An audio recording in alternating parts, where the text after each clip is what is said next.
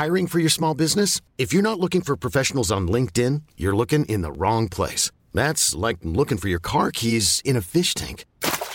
LinkedIn helps you hire professionals you can't find anywhere else, even those who aren't actively searching for a new job but might be open to the perfect role. In a given month, over 70% of LinkedIn users don't even visit other leading job sites. So start looking in the right place. With LinkedIn, you can hire professionals like a professional. Post your free job on linkedin.com slash achieve today. One size fits all seemed like a good idea for clothes Nice dress. Uh, it's a it's a t-shirt. until you tried it on. Same goes for your healthcare. That's why United Healthcare offers a variety of flexible, budget friendly coverage for medical, vision, dental, and more. So, whether you're between jobs, coming off a parent's plan, or even missed open enrollment, you can find the plan that fits you best. Find out more about United Healthcare coverage at uh1.com. That's uh1.com.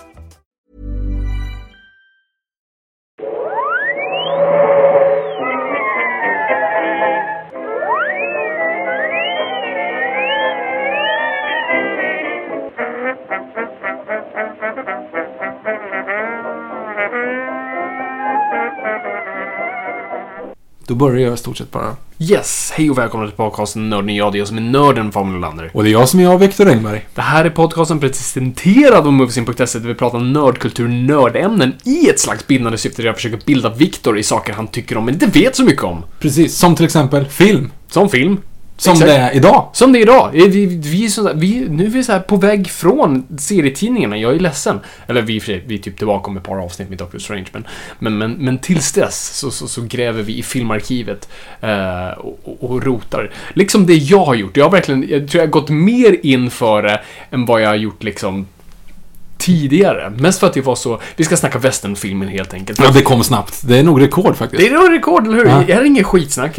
Tro mig, det kommer mycket sånt. Men, nej men, för, för, vi- skulle snacka västern, fick ju med Magnificent Seven som hade premiär här för ett litet tag sedan och sen eh, Westworld som har premiär på, på eh, HBO om, om en liten stund typ. Det nalkas. Så jag tänkte, fan, westernfilmer, länge sedan jag såg, var en sån här genre, du vet, man idoliserade som barn. Du vet, cowboys och, och hästar och allt sånt där. Vi kommer in mer på det. Men, så jag tänkte, perfekt, jag kommer få tillbringa en vecka och se på westernfilmer. Vet du vad jag insåg, Viktor? Nej, vad insåg Jag du? hatar westernfilmer. jag, jag satt här nu i veckan och bara insåg för varje film bara nej, jag tycker inte om det här. Det här nej! No! Alltså, och jag förstod inte. Och jag har suttit och kollat på riktiga klassiker och sett om jättemycket. Som jag trodde jag tyckte om. Och så bara, nej, det, det här var inte så bra. Så jag Är li- jag är lite så här chockad av att så här jag vet aldrig om jag upplevt att jag någonsin gillat någonting och så, alltså, absolut, man kan växa ur saker, men det är inte riktigt mitt jobb. I historien om mig så kommer det inte skrivas Fabian växte ifrån sina intressen han hade som barn. Eh, det finns liksom inte på kartan. Beviset är den här podden. Beviset är i den här podden och jag blev sådär, jag blev lite ledsen. Absolut, det finns saker jag gillar med den, men det var, men i så här, av genre så blev det så här, nope. Nej, sorry. Jag, det, Men är det filmer du tyckte om som barn?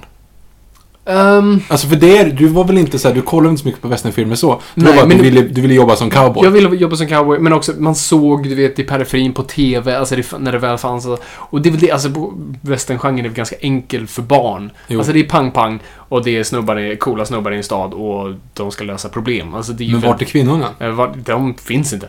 Eh, så att...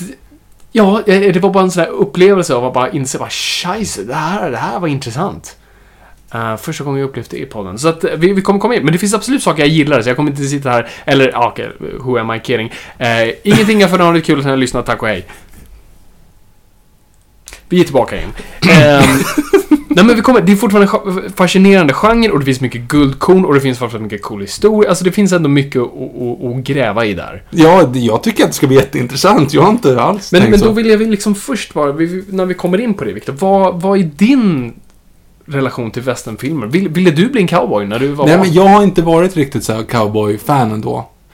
Som alla, som alla barn på 90-talet så hade man ju den här plast... eh, Det, det fanns ju liksom leksaker, den, den här plastpilbågen med de röda, pi, röda pilhuvudena. Sugpropp-pilar. Sugpropppilar med den här kniven och en, ehm, en leopardfärgad hölster till den kniven. Vi alla, Eh. och jag tror den säljs än idag. Jo, och jag, jag lovar att de gjorde så här 70 upp, alltså på 70-talet gjorde de Ja, jag tänkte säga 70 000, men det räcker inte. Nej, det 7 räcker miljoner upplagor. Alla hade dem. Och så har de bara liksom legat på leksakshyllor sedan dess. Liksom. Mm, definitivt. Min gick sönder så jag tror det hade liksom börjat ingå i halveringsperioden redan på 90-talet.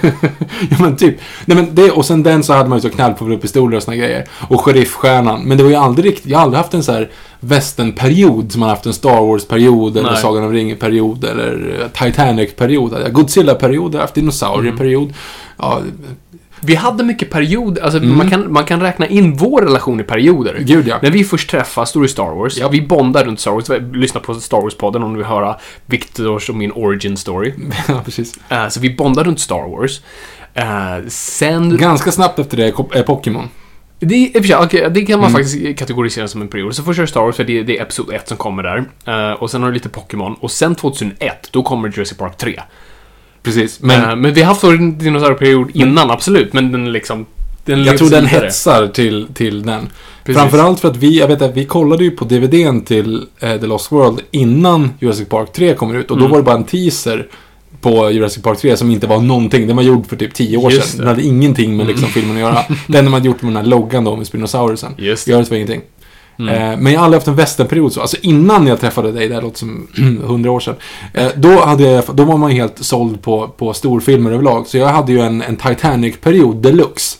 Alltså rejält sådär. Ja. Jag kunde hur många, hur mycket, hur mycket skeppet vägde typ. Hur många som var, vart alla kom ifrån, vart de åkte ifrån. ja men du vet, och då var man såhär sju. Så att det var Ja. väldigt otippat att man just det.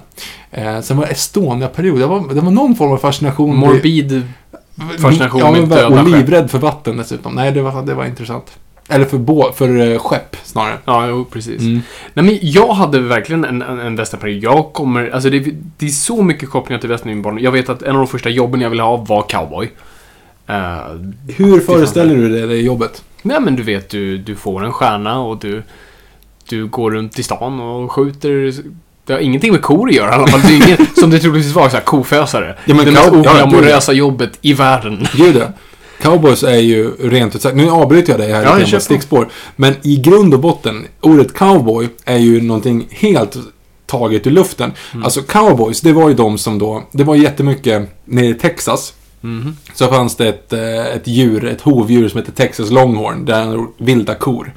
Eh, rika nötkreaturägare ville, ah shit, de här kostar ingenting nere i Texas, men man kan sälja dem jättedyrt uppe i norr. Så att de behövde Mm. då folk som bara samlade ihop de här korna och liksom föste upp dem, därav kofösare.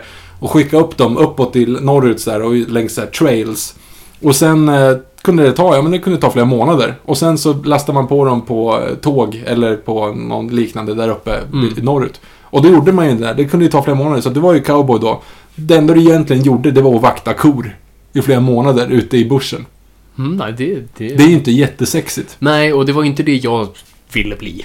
Nej, Nej. men det är ju cowboy. Det, det är den korrekta definitionen av cowboy. Eh, Men, men det är inte i folkmun. I folkmun var det det jag trodde, du fick en stjärna och sen gick du runt och, Det heter sheriff. Precis, och spöade bad guys. Så det vill jag bli. Och jag hade ju, jag hade ju enormt problem med mat som liten, det vet du. Ja. Eh, jag hatade mat. Alltså mat var pest och pina för mig, vilket var jobbigt för mina föräldrar. Alltså, jag kommer från en restaurangfamilj. Ja, det är Så väldigt att, eh, ironiskt. Det är sk- sk- skam där. Och eh, det finns en historia som, som jag får berättad för mig eh, av mina föräldrar. Det var liksom, jag, jag kunde inte liksom övergå från någonting. Från bröstmjölk till liksom blöt mat. till torrfoder. Alltså det fanns ingen liksom, jag vägrade bara... Torrfoder? Nej, jag vägrade varenda liksom hopp. Så jag kunde ändå gå från mjölk till typ yoghurt. Mm. Det gick ändå bra. Yoghurt diggar jag.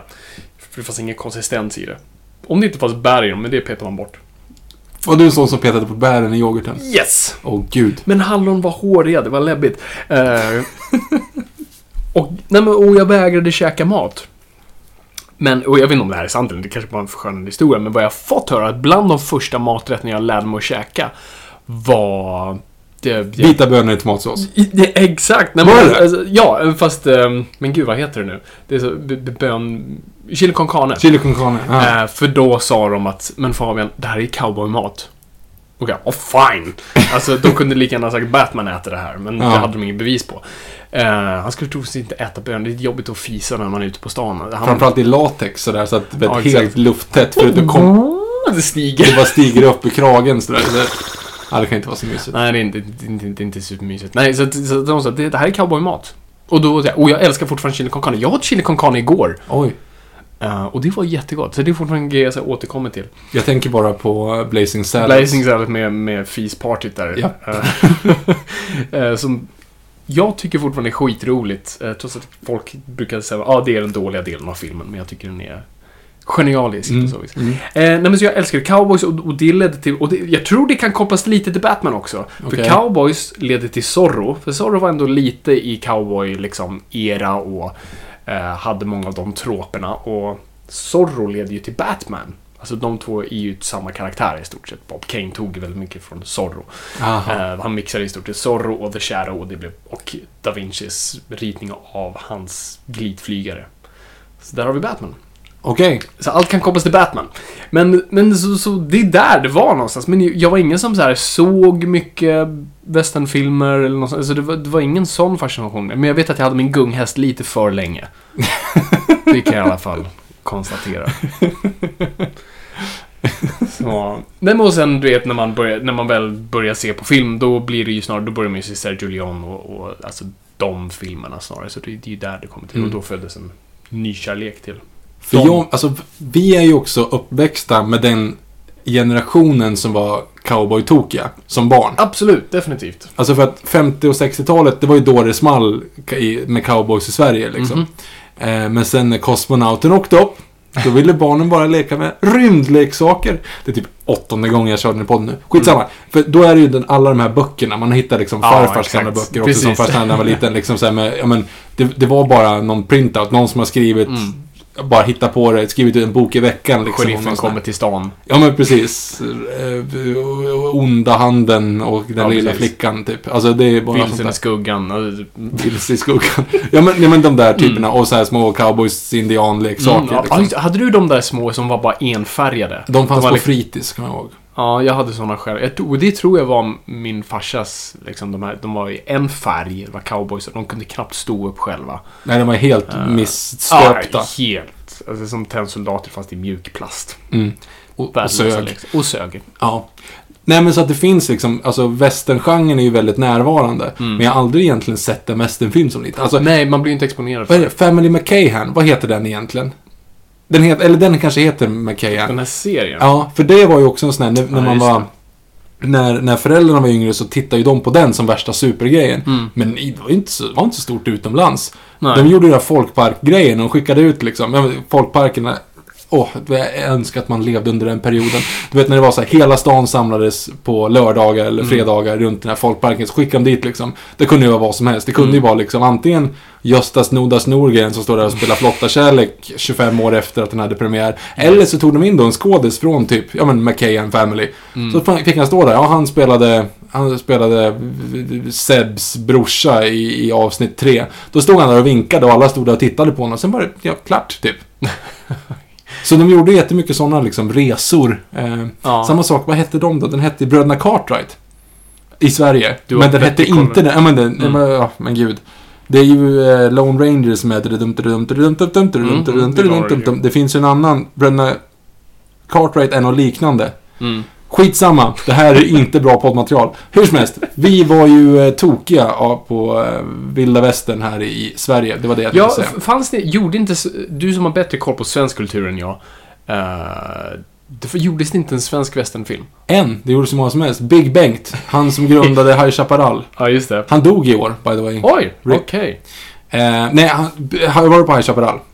Om, nej. Det, det nu råkar jag tro att jag vet att den grundades 1966 eftersom jag för mig att det var 50 år sedan i år. Därav att det var så. Annars hade jag inte kunnat det. Och jag tror inte ens, jag vet inte ens om det är sant. Då byggde man ju upp, nere i Småland någonstans. Så gjorde man ju liksom en cowboystad. Och så var som en, en amusement park. Som Westworld fast mindre våldsamt. och skulle man gå dit och så skulle man liksom... Man titta- kan inte ligga med prostituerade på High Chaparral. inte vad jag vet. Jag har aldrig varit där, men jag har bara sett bilder av det. Där har att det är liksom så här, åk ner och så kollar man på hästshower och såna grejer. Eh, väldigt kolon kolon kolonialistiskt på 60-talet. Eh, där i alla fall så insåg man ju att, oh shit, här har vi värsta dekoren för cowboyfilmer.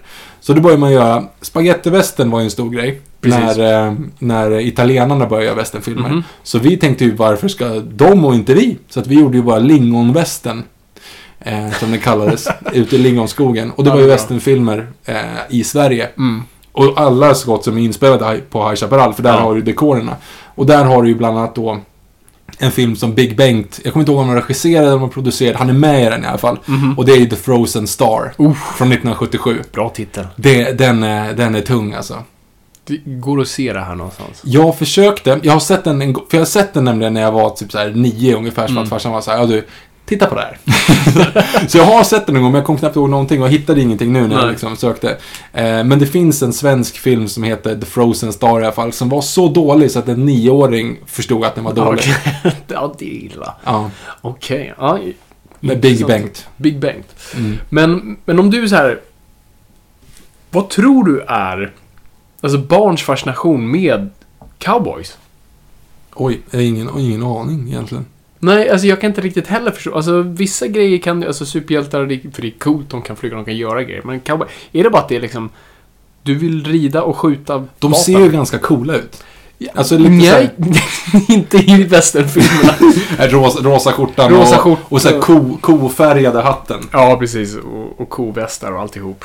Mm. Eh, men absolut, för en, för, för en femåring kanske det är coolt. Mm. Men Nej, jag undrar liksom vad... vad för, och, och ni som har barn, ni som lyssnar. Är, era barn fascinerade av cowboys? Hör av er på hashtag Noipod. Vore nyfiken höra om liksom den här generationen är det, eller om det verkligen är din farfars intresse. Nej, jag, jag, jag Kommer du och jag liksom verkligen prata med våra barn så här, då lekte vi med pilbåge och sugproppar. Precis som våra sa tänd, tändstickor och kottar. Ja, jag, jag vet inte. Jag, jag, jag tror inte det. Nej. Det känns väldigt förlegat. Framförallt just nu med att man hade benämningen indianer, vilket inte alls är korrekt på något sätt. eh, så att det, det blir nog lite känsligt på den Ja, just det, det också. kanske är det. Man, man, man kör inte den så jävla mycket längre. Mm. Ja, det kanske ligger någonting i det. Ja, men, men, men om vi tänker oss liksom västernfilmen överlag. Vad är västernfilm? Vad, vad, vad liksom kategoriserar en västern? Jag antar att en film som utspelar sig på 1800-talet Mm. med hattar och revolvrar. Revol Ja. Oj, vad svårt att säga. Rev- Revolvrar. Revolvrar. Ja, typ. Prosit. Tack. Ehm, ja, nej men alltså, det som är så coolt med västern på ett vis, det är att det är så, och har blivit kan man säga, och blev, alltså mytologiskt. Alltså det, det blev som en amerikansk mytologi på ett sätt, för att, som vi kommer att prata lite om sen, det var, så korrekt är inte den perioden porträtterad. Eh, så det blev en slags så här, Alltså hur USA i stort sett bara skapar sin egen... För det är ju ett nytt land. Det är, alltså, det, eller ett nytt land. Det är, det är en ny kultur kan man väl säga. Den amerikanska eh, kulturen som, som, som dök upp på 1700-talet. Och, och, och vad länder oftast gör när man inte har en religiös hardcore bakgrund. England hade lite samma problem därför man typ eh, kom på King Arthur och och Robin Hood alla de bitarna. Man försöker liksom applicera någonting som inte existerar från början. Och Amerika har haft lite samma problem. Det finns ingen mytologi som binder dem samman. Mer än en konkret historia. Och det vill vi inte prata så mycket om. Den är lite känslig Så ändå. att vi, vi kommer på de här storyn om så här, hjältar och, och skurkar och situationer där hjältemod. Vi, vi har ett laglöst land. Och det är ju väldigt, det, alltså, det är nästan taget ur fantasy. Alltså om du tänker nästan alltså Middle Earth, det är ju ett laglöst land på samma vis. Det är ju inte polisen som springer omkring där, utan du har tur om du är nära några skogsalver som kan skydda dig. Men det är ungefär så långt lagen sträcker sig, annars är det ju typ total anarki. Det är liksom små ställen som, som skyddas av sig själva och sen är det bara kaos. Och, och det är lite så vilda västern porträtteras. Så det är därför jag gör det mer mytologiskt och, och du har också, i alla fall till en början har du väldigt tydlig känsla för ont och gott. Eh, Det suddas senare lite mer ut och du har de här väldigt stora, breda liksom, landskapen där, där, där allting känns som döden. I stort sett. Ja, det, det är ju ett, eh, ett snyggt sceneri. Om man säger så. Oh ja, bland det bästa. film. Definitivt. Och nej, men så, så om vi tittar på västern, vad som oftast definierar dem, det är oftast att du har en ensam man, alltså vi pratar om individen också, väldigt med, med amerikanska ideal om sökan på individen och friheten. Eh, och allt det där. Och du vet den här klassiska som det sen blev The Man With No Name, alltså man som vandrar in likt riddaren genom byn och löser problem och vandrar ut igen. Om det är sheriffen eller bara eh, The Vigilante och allt sånt där. Och väldigt narrativa och raka plotter skydda den här personen eller vakta den här staden eller vakta den här personen eller jaga den personen. Alltså det är väldigt sådär, du kan inte bli förvirrad av en västen. Det knyter sällan liksom knut på din hjärna. Uh, och också bara såhär, vad är fienden? Fienden är också, alltså fienden är någonting som kommer utifrån in och då kan det antingen vara liksom en person, men det kan också vara miljön i en fiende. Alltså Clint Eastwood i, i under den gående fule som liksom måste vandra genom öknen. Och hans största fiende är miljön, för det är livsfarligt. Det är det som gör västern så cool också. Det är faror överallt. Alltså det är som och, um, Seth MacFarlanes film A Million Ways to Die in West. Precis. Den Bra fa- premiss, alltså, men ja. jag tycker filmen är värdelös. Jag såg om den faktiskt förra veckan. Eh, den håller inte. Alls faktiskt. No! Den har några roliga tropes. Precis, några roliga skämt. Alltså, men det blir ju som ett Family Guy-avsnitt så. Storyn är ju jättetråkig, trots att den har en ganska klassisk western story. Ja, men det är ju det som är problemet. Ja, Tycker jag. jo men exakt. Den, den, gör ingenting nytt av det som kanske då Blazing Saddles gjorde, men vi kan prata om den mer sen. Ehm, nej men, och, och, ja precis. Och, det handlar om amerikansk klassisk ideal. Eh, och det, och det, det är bara så här, ja. Den genren är så himla konkret i sig. Jag tycker det är... Som man lärde sig också under marknadsföringskurserna så var det ju tack vare Marlboro Cowboy typ som Marlboro blev så pass stort. Jo, precis. Det var ju en sån Marlboro enkel Man grej. Ja, Marlboro Man, precis. blev en ikon i sig. Precis. Eh, och jättemycket, alltså det, ja, det blir en sån pass Alltså Seinfeld gjorde ett avsnitt kring det. Alltså det finns ju massa olika grejer. Och vi alla känner till The Marvel Man. Har man varit på Finland Sverige så hänger han där någonstans. på en poster. Men, eh, så hur fungerar då västern in i film? Eh, och det är ju egentligen typ så gammalt film kan bli. Alltså när, när man först började experimentera med film så, så testade man ju olika genrer och testade. Och, och, och västern som var populära böcker och populära stories att berätta. Alltså det var ju såhär folkmun-stories man berättade om den här sheriffen och vad som hände. Alltså du vet, det är ju som- man gjorde då. Man bara byggde sagor runt elden. Eh, och det är ju och det är sånt man tar till film sen. Så att när Edison börjar experimentera med film och göra små korta grejer. Då gör han bland annat Cripple Creek Barroom 1899. Som egentligen bara är, ja vi kollar ju på den Ja, tillsammans. Det kan ni se på YouTube. Det är bara liksom ett stativ. det är liksom, kameran bara står och blickar. Någon som går in på en bar, typ beställer en drink och sen och sen går därifrån. man sprayar lite vatten på någon, så här komiskt. Eh, och sen är det över och du ser ingenting. Men den är ju från 1899. Yes. Och det är alltså den första västernfilmen som gjordes kan man ju säga då. För att det är ju Mm. en film i västergrej. Fast det beror på hur man tänker. För att jag menar, vilda västern. Den pågår ju typ fortfarande då. Absolut. Så att det är ju också en grej. Det är alltså miljön, det är ju inte som att de... Nu får vi kolla arkivet. Alltså, så, de använder ju saker som finns då. Alltså det är ju Ja. ändå... Det är ju där. Nej men liksom Sundance Kid levde fortfarande när den filmen gjordes. Absolut. Det är lite sjukt. Det är lite sjukt. Så, så inte bara typ bara två... Tre år, eller fyra år efter, eh, så har vi ju, den- 1903 har vi en sån här superklassisk, men alla som har läst filmvetenskap är liksom The Great, the great, eh, the great Train Robbery. Mhm. Eh, Stora tågrånet. Precis, och vad som är coolt med den är, då, då har ju tekniken gått en bit, så då har man börjat testa med klippning, hur det fungerar. För att, alltså för- Framförallt story. förstår, framförallt sådär. men också förstå hur liksom konceptet av att klippa ihop bilder var okänt. Alltså det var ett oprövat koncept. Och att man var ju osäker om människor skulle hänga med och fatta att liksom, okej, när de går ut i dörren och de, kommer folk fatta att de gick ut? och det fattade det. Så det var ju det man testade med de filmerna. Så den filmen hade ju narrativ där du klipper med storyn. Att folk går inifrån ut och sen det leder till den. Alltså ett, ett narrativ, bokstavligt talat. Så det är ju det den filmen. Det är The Great Train Robbery. Du har det i, i titeln. Det är en tågrån. Eh, och det, den ser rolig ut. Finns också på YouTube kan, eh, kan ni titta. Och, sen, och den har ju den absolut kändaste bilden, en av de kändaste bilderna i filmhistorien. När storyn är över och typ skurkarna är döda. Så klipper vi till en halvbild på en av skurkarna. Som avfyrar ett vapen mot kameran. Folk gömde, kastade sig omkull, kastades på golvet i det är en av de här bilen. myterna, precis som tåget, att folk liksom bara blev rädda när tåget åkte mot kameran här ska folk ha kastats igen. Jag vet inte om det är sant, jag tror Folk lär ju fattat att det inte Folk är är så. inte så korkade. Men absolut, alltså, någon kanske har liksom bara hoppade till. För du har aldrig sett det heller. En närbild på någon som avfyrar ett vapen. Alltså du vet, det var en sån konstig bild. Så du har ju sett den bilden eka i så många filmer. Alltså, mest känd har ju Martin Scorsese hyllat den i Goodfellas. Nu ska vi se, nu ser jag Goodfellas. Ja, det är inte Casino, jag har blandat ihop dem för Men det här är Goodfellas. Och då Joe Pesci ser vi en bild avfyrar ett vapen mot kameran. Precis. Jag tror till och med också efter han är död. Spoilers. Så det är lite samma koncept av efter någons död. Aha. Tror jag. Don't quote me on it.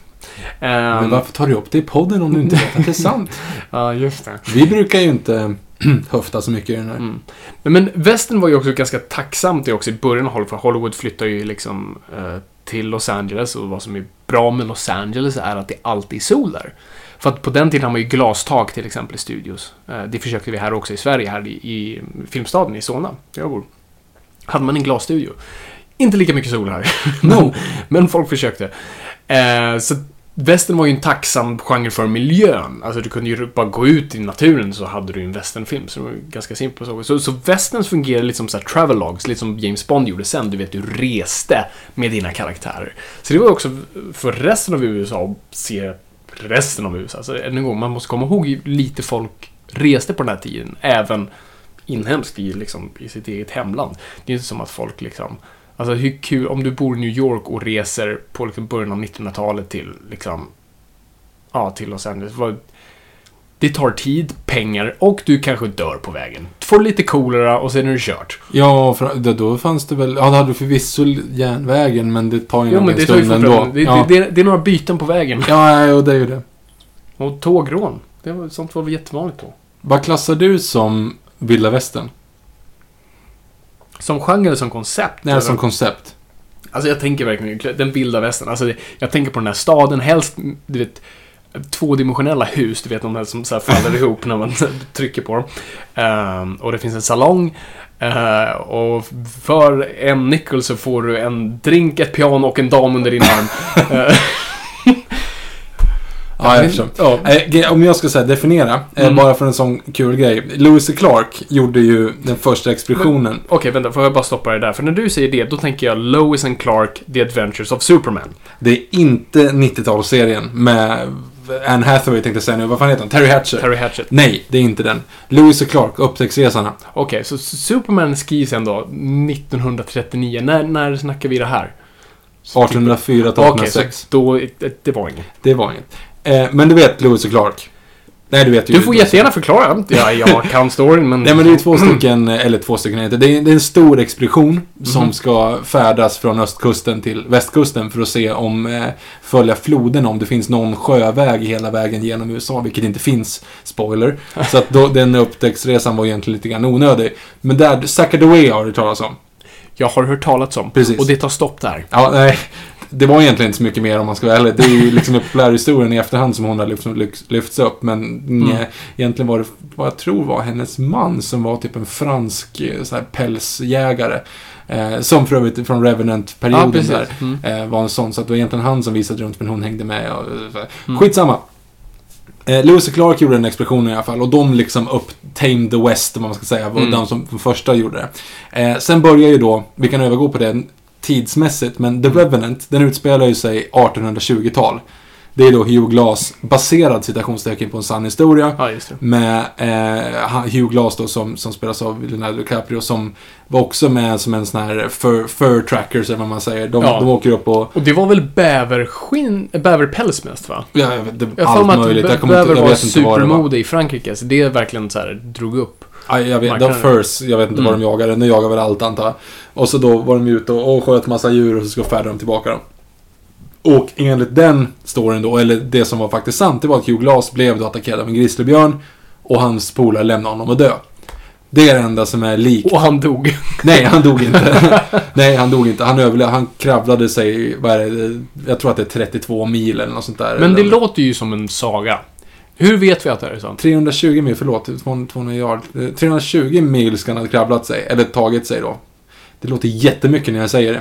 Japp. Det smakar till Jag skulle inte kunna göra det med en full mage och en moped. Nej, det är som att, gå till, det är som att som krypa till Sundsvall ungefär. Precis. Ja, det är långt. Ja, ja, det är så jag har hört det. Det kanske var 32 mil. Jag tror att det faktiskt att det är 320. Skitsamma. Let's go with that. Let's go with that. Enligt i alla fall storyn, han blir attackerad av en grizzlybjörn och eh, de andra sticker. Han krabblar sig tillbaka till det där fortet. De säger oh shit, vi trodde du var död. Fine, slut. Och ingen av den här, någon, någon grymtande Tom Hardy som sen jagar honom med tomahawks och såna grejer. Eh, och han hade inga eh, barn med the native americans där. Och eh, han blev till och med dödad i ett slag sen mot eh, native americans. Ska vi, hur ska vi benämna det här i den här podden?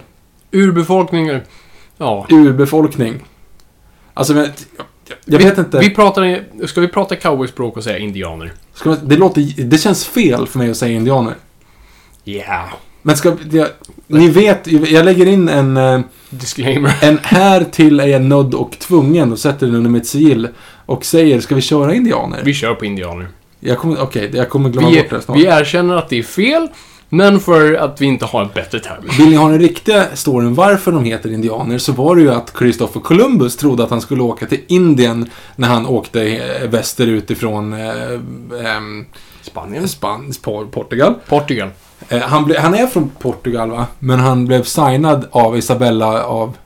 Vi gräver Spanien. fel grop. Jag tror det. Skitsamma. Han åkte västerut i hopp om att hitta Indien och hitta USA och sa eh, och döpte dem till indianer. Sen släpper vi det. Det är därav att det är fel från första början. Det finns ingenting. Yes. Vi fortsätter. 1850. Från 1850 kan man egentligen räkna idag. Alltså då var ju östkusten exploaterad och en strimman längs västkusten.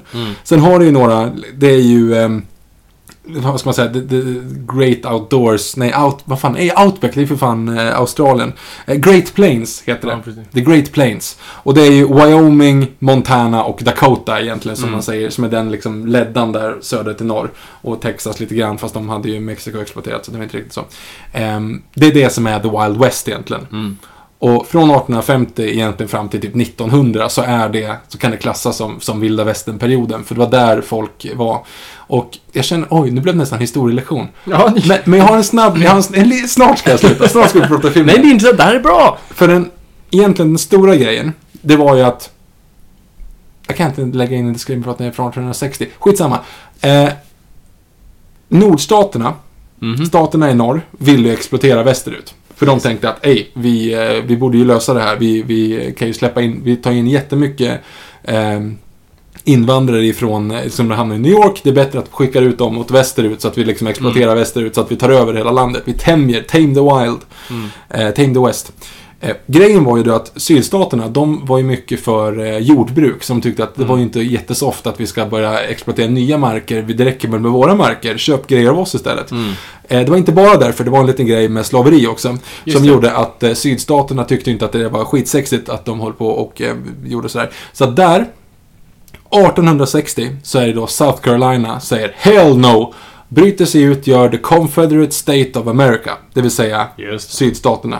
Eh, och snart bryter sig några andra ut och följer med. Men det är ju South Carolina då i december 1618. Eller sex- eh, jag, 1860. Vi vänder på det. 1860. Och det är då som inbördeskriget sätter igång. Nordstaterna säger att okej, nu har vi ingen anledning att att hålla igen. Så då, då börjar de exploatera österut. Så samtidigt som, som eh, inbördeskriget är, då sätter de igång Lincoln. Åh men gud, vad, är, vad heter den där? Det finns ju en, en lag som han satte, som att alla som flyttar västerut får typ, får typ claima vilket land de vill. De får Ja, göra, Mm. de får bo vart de vill, så länge de bara slår sig ner någonstans så får, så liksom, hey, it's yours. Det bodde ju visserligen några där redan, men det struntar man ju. Det var ju Mm. bara liksom skicka ut alla irländare skulle bara västerut och bygga hus liksom. Mhm. Och svenskar. Och svenskar.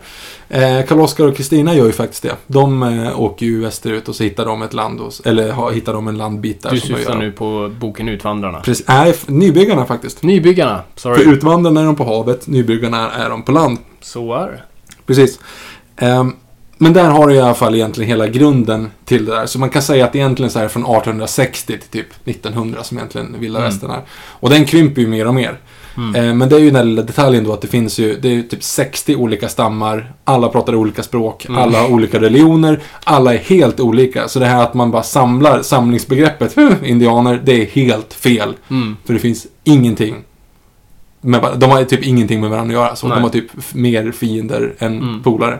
Men liksom, Många av dem. hur såg det ut med just västern på så? Alltså fanns det de här, du vet, så här, små städer? Alltså var det det det var? Just att de här små, de här små samhällena byggdes upp och du hade en sheriff där och så Mm. kunde, alltså det, Jo, men det var det väl. Det som är lite kul när de pratar om så här...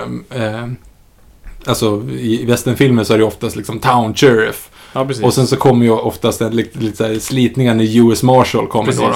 För US Marshal var ju sådana som kunde bryta, som kunde så gripa folk i hela landet. Och sen hade de Town Sheriff som, som folket utsatte, eller ut, utsatte heter det inte, utsedde? Utse, hur säger man det? Ja, skitsamma. Ja. De i alla fall utsåg, som folket utsåg då.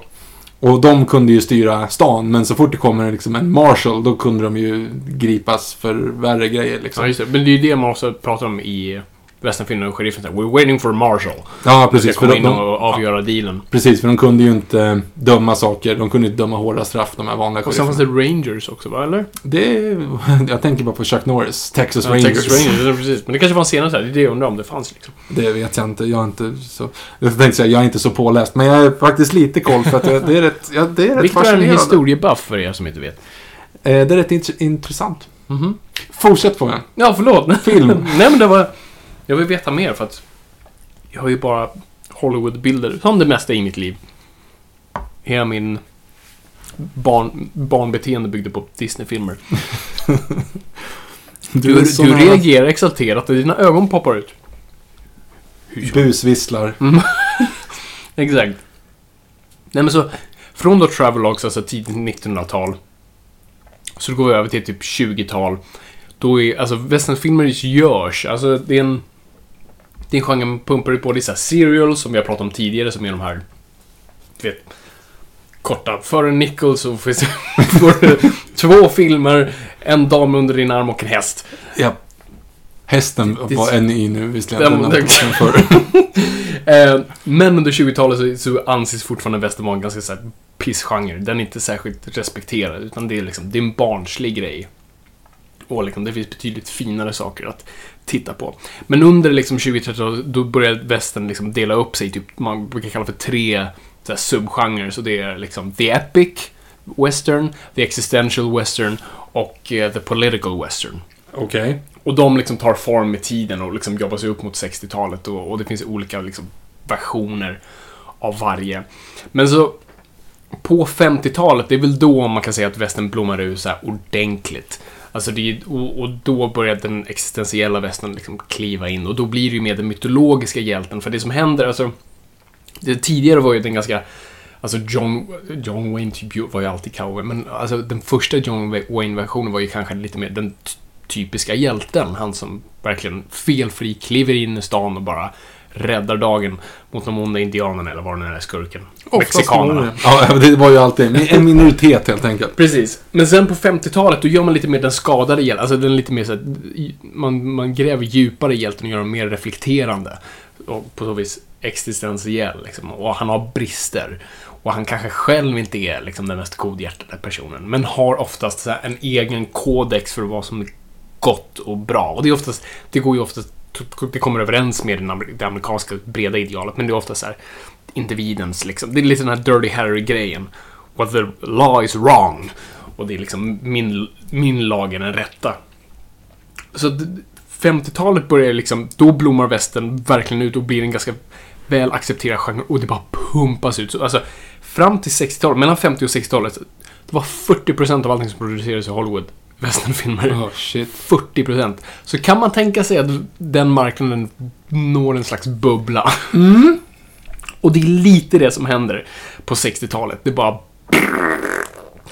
Eh, Det blir för mycket och, liksom, och, och folk blir inte intresserade av västerns längre. Det är liksom bara genren dör ganska snabbt. Och framförallt vad den gör då är att genren vandrar över till TV. Och då har du ju till exempel Rawhide. Rawhide! Du vet, du vet, Nej. har du sett Blues Brothers? Ja, med dig. Ja, du vet de sjunger Rawhide-temat där. I did not know. Okej, skitsamma. Ehm, och det är där Clint Eastwood gör sin eh, debut för första. Ah. Men så, så västern tar plats eh, i tv-rutan. Men sen har vi Europa, som har haft en liksom, kärleksrelation till västern. Men många delar av Europa, framförallt Italien, har haft liksom, svårt att få in amerikansk film, särskilt efter fascismen. Så att de har varit typ ut, liksom inte sett någon amerikansk film alls och sen helt plötsligt så får de all amerikansk film. Bara så här bombarderade där borta med, inte bomber, men film. Ehm, så där finns det... Bad choice of words. Just det, Italien. Eh, Men så, så Italien har fortfarande ett jättestort intresse av det, så, så, så de känner någonstans att de ska börja producera sina egna. Så där har du kanske då i spetsen uh, Sergio Leone. Som känner att han, nu när genren har nästan liksom, tvättat ur sig själv, så kan det finns utrymme för att utforska andra grejer. Uh, och det är då han börjar titta på, men fan vi kan, vi kan göra de här lika. Alltså, vi, alltså i, i liksom sy, söderut i Italien. Syditalien. Så, Syditalien, tack. Så fanns det mer liksom, där var miljön ganska lik. Också alla regissörer typ kom från Syditalien. För alla de här Fellini, Rossellini, de kom från norra delar av Italien. Det var lite finare. Det var lite finare och vi gjorde fina filmer. Vi gjorde 18,5. Vi gjorde filmer med Isab Cykeltjuven. Cykeltjuven, bra La Dolce. Vita. Ja, Dolce Vita. Fan Victor, du... du Sen är det slut. sen La Vida är Bella. Ehm, så, och det är ju där vi börjar då mynta spagettivästen. Som egentligen inte var en charmerande, alltså det var ju en nedlåtande skärm från, alltså från väst, alltså från USA. Bara, ah, det är de där jävla pissiga uh, spagettivästen. Mm. Som att italienare bara äter spaghetti och busvisslar till damer och åker moped. Ciao. Ciao! Och alla bor i lutande tornet Pisa eller på Colosseum. Precis. That's how you do it. Så att Sergio Leone i stort sett öppnar upp genren där. Och framförallt i och med Clint Eastwood. Clint Eastwood vid det här laget var ju eh, kontrakt för TV på Rawhide. Och fick inte göra film i USA. Men det fanns ett loophole i hans kontrakt som... Det sa ingenting om att han fick göra film utomlands. Så då tog de in... De vill egentligen, eller Sergio Leone vill egentligen inte ha Clint Eastwood, men han var billigare. Den snubben han ville ha, ville ha typ så här 25 000 medan Eastwood bara tog 15 000. Så då tog man dit honom dit och sen var det ju bara italienska skådespelare, eller kanske typ spanska om man skulle ha några mexikanare.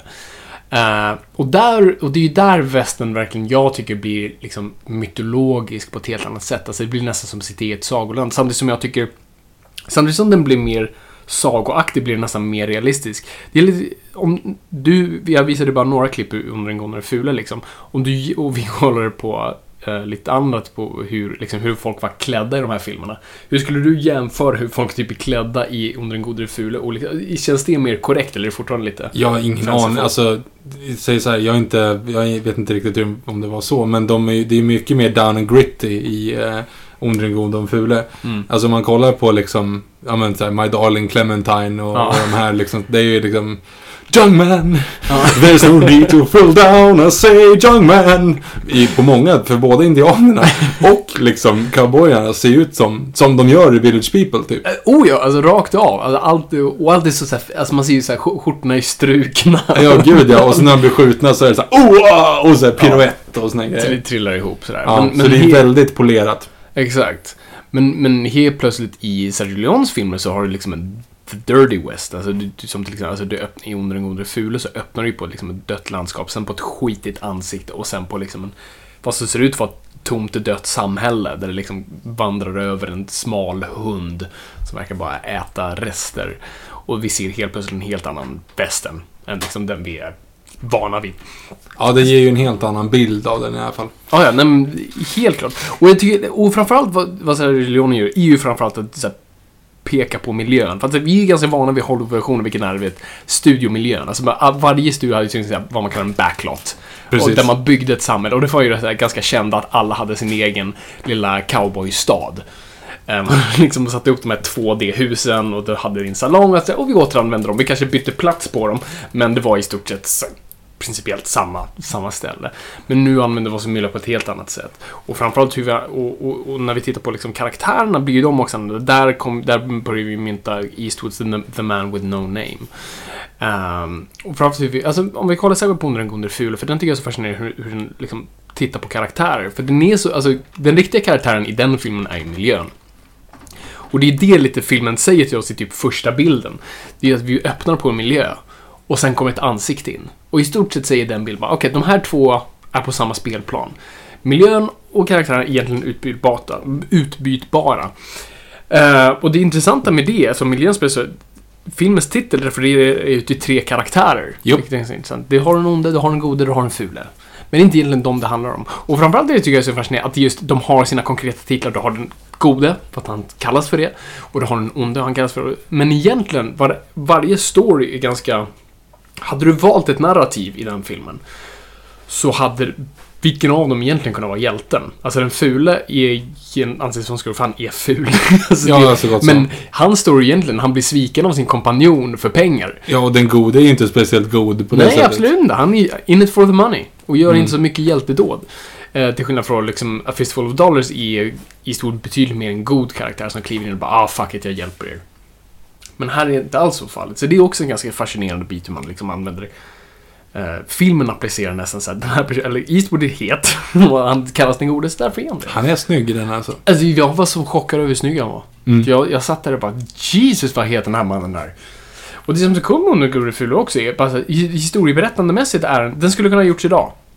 Alltså, de bara, det här är, alltså hur den är filmad, klippt och liksom hur storyn rör sig framåt. Kunde, skulle kunna vara gjord idag utan liksom problem. Exakt samma bild, exakt samma story. Och musiken är, är ju... Ja, den talar ju för sig själv på så vis. Så den känns bara otroligt modern. Uh, och, alltså, det, när, jag, när jag sa i början att jag har svårt för westernfilmer, det här är liksom the exception. Den här älskar jag. Den här är liksom full pott. För den är tre timmar lång. Det är inte så många scener. Men den liksom så här, tiden man flyger förbi och man sitter där och bara, det här är en perfekt film. Jag förstår, och jag kan fortfarande inte riktigt förstå varför. För plotten är simpel. Det är liksom, det är lite guld, vi ska komma åt det. Och det är som klassisk western, vi ska liksom bara nå någonting simpelt. Uh, och sen händer lite saker på vägen. Men, men egentligen, det är inte mer än det. Och, det, och de håller upp till tre timmar, vilket hade varit oförlåtligt i många andra fall. Då, då hade ju, som vi kommer komma ihåg på Magnificent Seven, bara så här, var, gud. varför är den här två timmar lång? Det borde inte vara lagligt. Mm. Eh, Men här är tre timmar och man bara sitter där. Det här är hur fantastiskt som helst. Men så... Ja, men så, så, så Sergio föder uh, spagettivästen och då gör bara... alla gör väs- spagettivästen i, i Italien. Så man antingen hyr in en amerikansk billig skådis som ser ut som Clinton. eller tar en eh, italienare som ser lite västlig ut. Liksom. Ehm, och för att det är ändå, alltså som alla italienska filmer det här och europeisk film, man dubbar det. Så det spelar ingen roll vilket språk du hade. Jo, men det är om det går något ful. Det är inspelad utan ljud helt. Ja, i stort sett. Absolut. Nej, men det, alltså, Clintan är ju dubbad av sig själv, men det är fortfarande dubbning. Du vänjer dig vid det såklart, men eh, det är faktiskt, och det, den nyare versionen, jag, berätta mig om jag har fel, men den fula karaktären är nydubbad i, en- när han besöker sina vänner i grottan, alltså då hans 90-åriga själv fick dubba om vissa scener. Man hör det, för han... Eh, Nej, men olika så, alltså spagettivästen ingår i olika genrer. Alltså, den går igenom en, så här, en politisk fas och det är liksom då man går emot fascismen och eh, pratar om det och liksom det underdog blir helt plötsligt, så helt plötsligt går, blir mexikanaren hjälten. Eller Uh, indianen blir hjälten. Och det blir istället ett helt annat underdog-perspektiv. Sen, sen blir genren för uppblåst, så man börjar göra liksom, parodier på, på den. Så det blir komedier. Och sen, ja, alltså, allt det där håller på. Tills i stort sett genren äter upp sig själv inom ett decennium. Och det är liksom, runt 70-talet där så så är genren ganska död. För att man har gjort varenda version på alla stories som går. Så att det är i stort sett det. Och så, så efter egentligen spagettivästern och 60-talet i USA så anses västern vara, det pratar man fortfarande om, västern är box office poison. Du gör inte en westernfilm för att det kommer bara, det är en flopp garanterad. Och det har vi ju, alltså den kanske mest bevisliga versionen är ju, ja vad heter den, Eh, den som sänkte United Artists som vi brukar prata om. Åh gud, det är inte The Alamo. Nej, Det är den andra som inte funkade alls. Heaven's Gate. Heaven's Gate heter den. Snyggt. För stor film, kostade på tok för mycket, sänkte till filmbolag. Mm. Oops! Västerns fel. Eh, och det var lite såhär, var, var, så här, var femte år så testar någon en westernfilm och den kanske är en hit, den kanske inte. Men det är oftast inte en genre som säger åh, här var en hit, nu gör vi tre till. Utan då floppar de andra också. Japp. Så att, egentligen kan du bara komma på en massa floppar. Wild Wild West. Wild Wild West är en sån. Eh, Lone Ranger. Lone Ranger. Är en av de största gud, flopparna på senare tid. Superflopp. Jag, jag pratade om det sist just där. Alltså, jag kommer ihåg när man läste om den filmen att eh, regissören och Johnny Depp var upprörda med Disney som inte ville ge dem 250 miljoner dollar utan man gav dem typ 200. Det var skandalöst, men okej. De gjorde filmen för typ 225 och åh, Ja, Disney den var dyr hade som rätt. stryk. Den och eh, John Carter kostade ju 260 och 250. Någon av dem Mm. där var liksom. Mm, precis. Så att de var ju rätt eh, saftiga. Nej men, definitivt. Nej men så, och det är egentligen, alltså efter det, som sagt, det släpps lite småfilmer då och då. Eh, och det är liksom bra och dåligt. Så om vi kollar på lite så här modern västern, vilket tänker du på då? There Will Be Blood. There Will Be Blood, som faktiskt skulle kunna definiera, det är ju inte en sån här, man, det är ju inte en sån här gunslinging hero. Förresten, fanns gunslingers, snälla säg att de, de existerade. Ehm, du kan få med ner mig på en riktig så slippery slope nu om du ska börja med den här. Kör, kör på det, innan vi går in på modern västern, ge mig, ge mig the story. För, för han fanns liksom The Gunslinger och... För det första var det ju ganska olagligt att skjuta folk. Var det så? Så det var inte att du bara kunde gå till någon och bara PAM! Nej. Det var hans fel. Han, eh, han sa något elakt. Eh, nej. Han förolämpade min karaktär. Nej, nej, nej. Det, nej, det, så funkar det ju inte riktigt. Det satte dig i finkan. Det var ju inte, ja, ja precis. Det, men grejen, åh gud, okej, det här kommer, jag ska försöka hålla det här kort. Alright. Om man ska gå utifrån en, en, ett långt perspektiv då. För det första, ett historiskt perspektiv som jag glömde, det Yes. är ju guldruschen. Ja, just det. Det bidrar lite till vad vi ser som den vilda västern antar jag. Precis, och där har du ju The Bozeman Trail som de kallades då. Det var ju den här vägen upp genom Dakota liksom. Dakota, det är som Push Dakota, mopeden. Nu känner jag att jag låter som en 50-talsraggare. Eh, men Dakota. Och då kom de ju liksom söderifrån. För att de hade, grejen var ju så här, de, eh, de skulle ju skicka dit guld, guldruschen. Det kom ju hur mycket folk som helst. Eh, indianerna tyckte att det var sådär, så att de började attackera dem. Och där har du ju faktiskt en snubbe som hette, åh jag vill säga Green Hornet, det hette han inte alls det. Han hette Red Cloud, hette han. Den första av de här liksom stora eh, indianhövdingarna. Red Cloud spöade eh, armén, så att säga, när de var där. Så att för armén skulle komma och skydda. De byggde ju så här fort längs eh, Bozeman Trail då, för att skydda de här guldgrävarna som skulle upp och, och gräva i bergen där. Så att Le- Red Cloud raserade borgarna, eller fästningarna. Och eh, fick till och med till ett så här, peace treaty. För oftast var det så att när de kom söder, eller västerut, eh, armén, så var det så här, ja, ah, här bor det någon. Vi gör så här, här, skriv på det här pappret. Eh, den, den indikerar att om, om ni inte om ni inte skriver på det här så kommer vi döda er. Men när ni skriver på det här så kommer ni få det här reservatet för er själva. Och ni får bo i det här reservatet och ingen kommer komma in och störa er. Wink wink. Och sen kunde det ta ett halvår så kom det folk och liksom bara liksom skjuta dem och, och exploatera grejer ändå. Och så sa de att, ja ah, just det, nej förlåt, vänta, här är till fördrag, nu ska vi inte göra det. Så att det, de blev väldigt liksom dåligt behandlade, liksom indianstammarna. Påskrivet, Frid och Fröjdsson. Get the hell out of here you redskins! Ja, ja, ja, men typ. Det var ungefär eh, väldigt enkelt förklarat på Ja. det sättet. Och Red Cloud var ju då det första gången det, det faktiskt gick så att indianerna vann. De slängde ut nybyggarna. De slängde All ut eh, det. Så att då han lyckades skriva till sig ett eh, kontrakt. Ja, kontrakt och kontrakt. Men han lyckades i alla fall så gott som hela den eh, staten, nu kommer jag inte ihåg om det är Dakota eller om det är Wyoming, jag för mig att det är Dakota. Eh, som de fick, eh, som fick för sig själva. Mm. Eh, General Custer är ju en känd person som du kanske... Custard som senap. Nej, inte Muster. Just det. Ja, General, General Custer i alla fall. det tog fem år efter Red Clouds eh, påskrift där. Mm. Innan eh, General Custer då, eh, han var ju en som ledde in dem då. Men då kom ju am- amerikanska staten och tänkte så här, hmm, fast fanns det ändå inte lite guld i det här området? Så då fick ju General Custer i uppdrag då att gå in och leta guld. Okej. Och han gick in på indianernas mark, de blev assura och kriget var igång igen. Och där har du ju en av de kändaste slagen i amerikansk historia. Last of the Mohicans. Nej, den är, är också en rolig story, det kan vi ta sen. Eh, slaget vid Little Big Horn. Ah, men den har man hört om. Sitting Bull mot General Custer. Precis.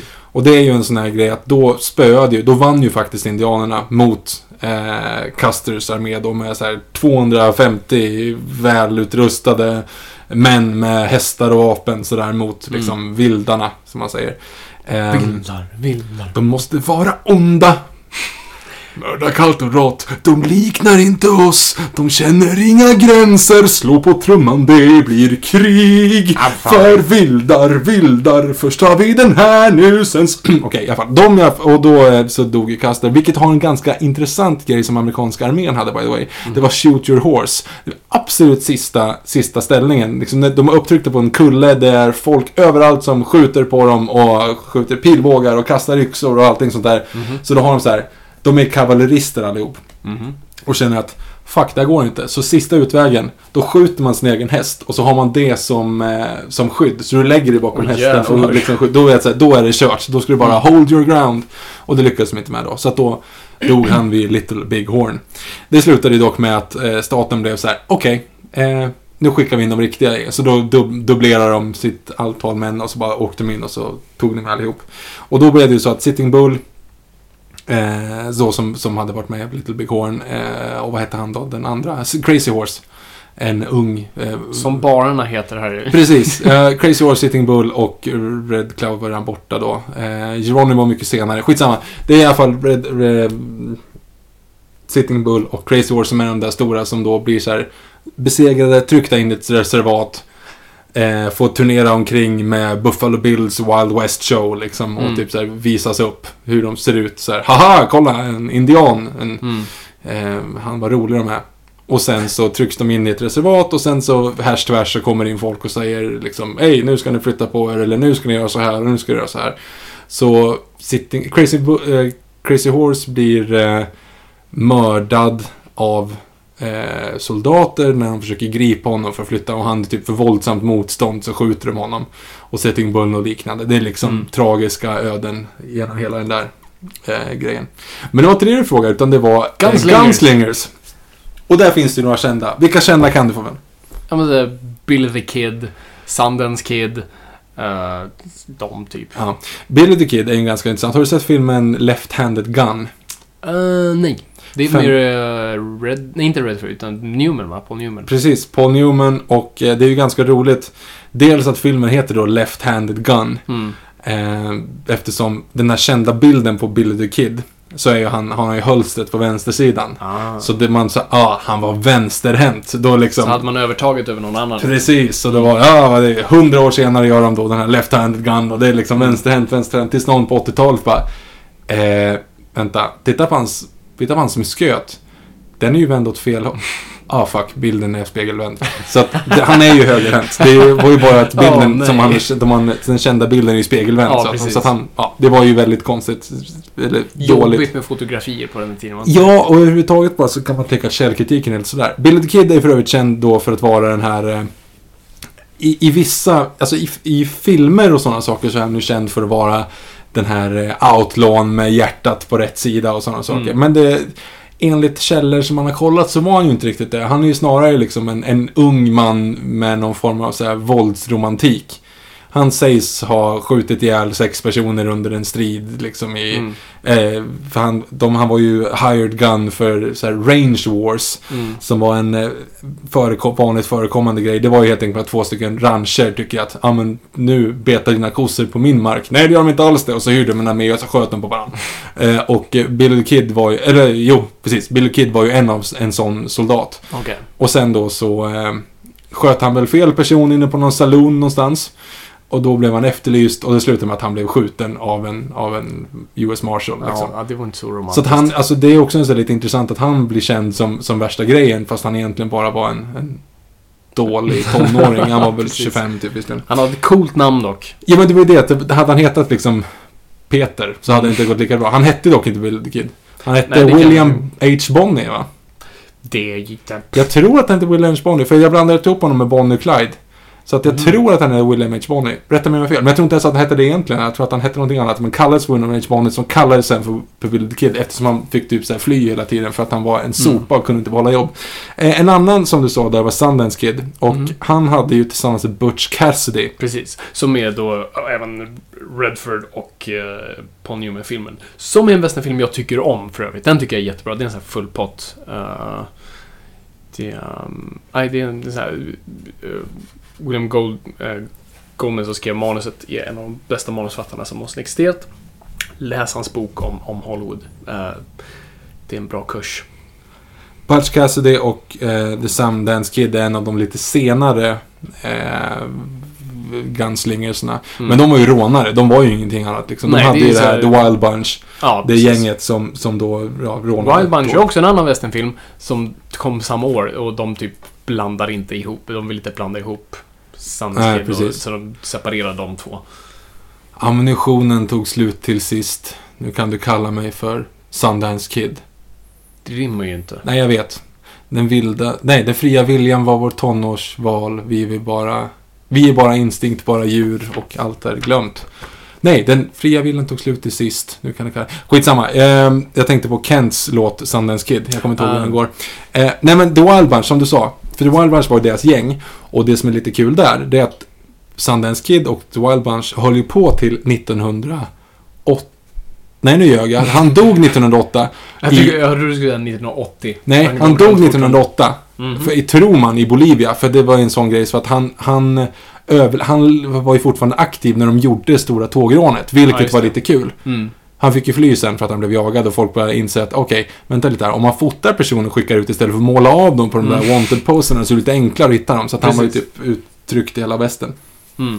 Eh, så därav att eh, han blev bortrövad, åkte till Bolivia och blev skjuten av bolivianska Mm. armén. Men som sagt, to- Stora tågrånet då, som man tänker idag är en westernfilm, det var ju typ en nutidsfilm då. Mm. Ja, precis. Det, det, det, är det är egentligen helt sjukt. Men Gunslingers, Victor. Gunslingers, eh, White Earp har vi hört talas om. Ja, det har jag. White Earp. Eh, också filmen My Darling Clementine från eh, 40-talet. Mhm. Klassiker. Med, jag tänkte säga Bridget Fonda, men absolut inte. Vad heter han? Vad heter pappan? Henry Fonda. Henry Fonda. Henry Fonda spelade White Earp. Eh, Kevin Costner också spelat White, Earp. Mhm. White Earp är en ganska intressant story. Har du hört talas om OK Corral? Ah, nej, kan inte säga. Uppgörelsen vid OK Corral, eller Coral, eller vad man nu säger.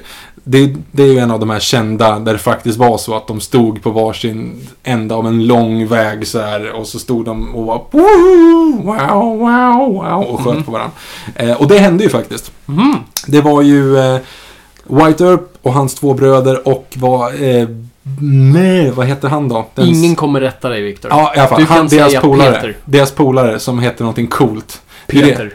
Ja, nej. Ja, ja, skitsamma. Han hette någonting coolt i alla fall. Det var White Earp, hans brorsor och någon som hette någonting coolt mot några andra som typ hade bråkat med. Det var ju, det är så här liksom ganska o, eh, oförtjänta fighter egentligen. Mm. Och grejen är där att White Earp skjuter först. För det är inte säkert att de ska skjuta på varandra, utan de bara Mm. så står och typ så här Ey, du, vem är du? Jag gillar inte dig. Och sen så är det så att White Earp enligt eh, vittnen lyfter pistolen och skjuter först. Greedo shot first-versionen, fast då White Earp och den andra snubben på andra sidan skjuter typ samtidigt. Mhm. Så att källor säger liksom så här, okej, men vad, vänta, vad skjuter samtidigt? Ja, fast jag tror att han ändå sköt för. Du vet att det blir Mm. så här grejer. Så att egentligen skulle han kunna ställas till rätta om han sköt först. Mm. Men enligt då sägnen Men så sköt så- han precis samtidigt. Så det är inte den här då, liksom, vem som faktiskt draws first vinner? Det handlar liksom. inte om det, för du får, du, ska, du får ju inte skjuta någon. Nej, okej. Men om du gör det i självförsvar, eftersom White Earps eh, brorsa var eh, Marshall, nämligen. Mm. Han var en Okej, av men så det, man kan ändå argumentera. Om någon muckar med dig på en bar och säger liksom Ej, din dam under din arm, jag gillar inte hennes ansikte. Då kan du ju säga Nej, smaka på den här, pang! Ja, fast nej. Okej, det, nej för det är inte självförsvar riktigt. Det är inte riktigt. Om man säger du, jag gillar inte ditt fula nylle. eh, smaka på den här! Och så ger, och så ger han honom en näve. Får jag skjuta honom då? Nej, jag tror, inte- tror inte Det finns ju någon amerikansk lag nu i alla fall som är såhär stand your ground. Alltså Ja, du... men, det, men det finns ju något liknande sånt. Mm. Det jag tänkte komma till, jag känner att jag väver in det här. Det som är grejen, White Earp är jättekänd i efterhand i alla fall. Ja. Eh, för de då, White Earp och bröderna då, dödar ju eh, de här andra tre. Mm. Eh, och de blir inte så poppis i den här stan. De blir för övrigt då, två av hans bröder blir då skjutna bara något år senare. Liksom typ eh, vid spelbordet sådär. Liksom lite, lite Så sånt osympatiskt. hände, det är fan... Det händer några Men gånger, men det är mord. Så att det hamnar i fängelse. Men White Earp överlever. Och White Earp överlever ganska länge. Mm. Han dör inte förrän på på typ 30-talet eller slutet på 20-talet. Mm. Så att han är ju ändå med under hela när westernfilmen började bli populär och sådana saker. Så han se... Och därav att han är en av de absolut kändaste av de här gunslingers. Det kan vara ganska oförtjänt för att han fick ju skriva sin egen historia. Han överlevde ju. Och oftast när man lär sig genom historien så är det ju vinnarna som skriver historien. Så Exakt. att han skriver till exempel, ibland så skrivs det en, eh, en roman om honom. Mm. Eh, och det vet jag att han som skrev romanen, han träffade typ White Earp två gånger, satte sig ner och liksom så skrev ner vad han sa två gånger, sen dog White Earp. Right. Då fortsatte han med boken utan Mm. att ha källan så att säga. Så att han har hittat på ganska mycket av det. Och det är det som sen grundas i den här 50-talsserien som går med White Earp. Det är det som alla filmer och allting sånt där. Så att egentligen, om man ska vara riktigt så hård, så risken finns att White Earp var faktiskt den som sköt först och orsakade hela OK Corral-grejen. Vilket också är intressant. En annan person, Wild Bill Hick... Hickory tänkte jag säga. Det är en sås. Wild Hitchcock. Hitchcock. Skitsamma. Wild Bill. Du vet inte vem- Hancock, eller? Nej. Typ Hancock. Ha Hancock tror jag han heter. Skitsamma. Wild Bill i alla fall. Alltså Ja. Vilde Bill. Som Bert kallar sina kompisar. Eh, där har du ju också en ganska intressant story som, som eh, smittar av sig i populärkulturen idag. Mhm, låt oss höra. Eh, Wild Bill, känd som eh, en gunslinger sådär. Eh, det som är en myt, det är ju att man skulle dra först. För det har inte riktigt med det att göra, för hölsterna såg inte ens ut som de gör Nej. nu. Vänta, hur såg de ut? Ja, men du, hade, du kunde ha dem typ inne i fickan, du kunde ha liksom lite olika sådana här saker. Du, du, jag vet att jag sa att jag inte gillade västernfilmer, men jag ändå romantiserar dem. Och det, jag blir lite sårad över att det är liksom... Inget av det som ändå... Det lilla jag ändå höll kvar som var coolt, det fanns inte. Wild Bill är i alla fall, eh, han är med i nordstaterna, han är eh, Soldat. soldat i nordstaterna. Eh, och sen så blir han känd som en sån här person som, som eh, det finns ju ändå lite såna, såna här, eh, det heter inte gunslinger fights, det heter typ dueller, heter det. Just det. Och de mest re, alltså, realistiska dueller du kan se på film egentligen, även när det gäller vilda västern, det är typ Barry Lyndon. Ja, just det. Då, folk, då två står och siktar mot varandra och en säger Go! Ja, och då skjuter båda två medan de står och siktar. Precis, och man hoppas att den ena blir mindre dödligt skadad än den andra. Precis, och om de missar så är det så här, ah, ja okej, ja men då är det fine. Båda missade, då är liksom, det är. Vi har ställt upp det så går de hem. Alltså det, det var inte mer än så. Men grejen med Wild Bill då, som de säger, är ju att han var bäst på att sikta, inte på att dra snabbast. Dra snabbast tjänade man ingenting på. Utan han Nej, du stod... inte drog uppenbarligen. Nej, Det precis. fanns Så inget att dra ifrån, Victor. du st- jo, men då hade väl, hölls de inte på det sättet. Du stod ju liksom vänd med sidan mot dig så att du har så lite av kroppen som möjligt. Ja, och så hade du vänsterarmen, om du var högerhänt då, liggandes in, i en, så att armbågen pekade mot din skurk. Och sen så la du pistolen i armvecket så att säga. Så du kunde ju stå och sikta och hålla emot på det sättet. Mm. Och det var ju så en duell gick till. Det var inte så att det var så här. Okej, Ja. så istället för den coola handen på sidan dra sig, ser ut som man, du vet, när man låtsas hånglar med sig själv Ja, eh, och siktar. Så, ja. han blev, Du dödar fall, drömmar, Victor. han blev i alla fall känd i, i lokalpressen som, en, som den här personen som alltid träffade, som alltid Mm. var så duktig och sådana saker. Eh, han spelade bland annat, det var ju mycket teater på den här under den här perioden. Mhm. Vilket vi kommer komma till på nästa, på Jesse James. Glöm inte bort den. Eh, Wild Bill i alla fall blir, börjar bli gammal. Mm. Så här, eh, man börjar se sämre. Han är inte, inte så mycket att utmana längre så han blir lite sem, semi-alkoholist och eh, kommer en dag till staden Deadwood. Oh, som tv-serien. Precis. Sätter sig vid ett pokerbord. Och folk där inne, åh det är, det är ju Wild Bill. Det är Mm. han som är så tuff och cool. Och han sitter så och spelar poker. Och det kommer fram någon, någon yngling. Och känner att jag ska vara känd Perfekt, som den som... Så det blir en sån här I don't like your face, mister. Fast and I don't like your lady. Jag försökte göra där en liten... eh, Fast inte riktigt, för han går bara fram och skjuter honom i bakhuvudet när han sitter vid bordet. Okej. Eh, fine. men Wild Bill blir skjuten och dör. Mm. Och vad har han i handen då? Oh, oh, oh. eh, eh,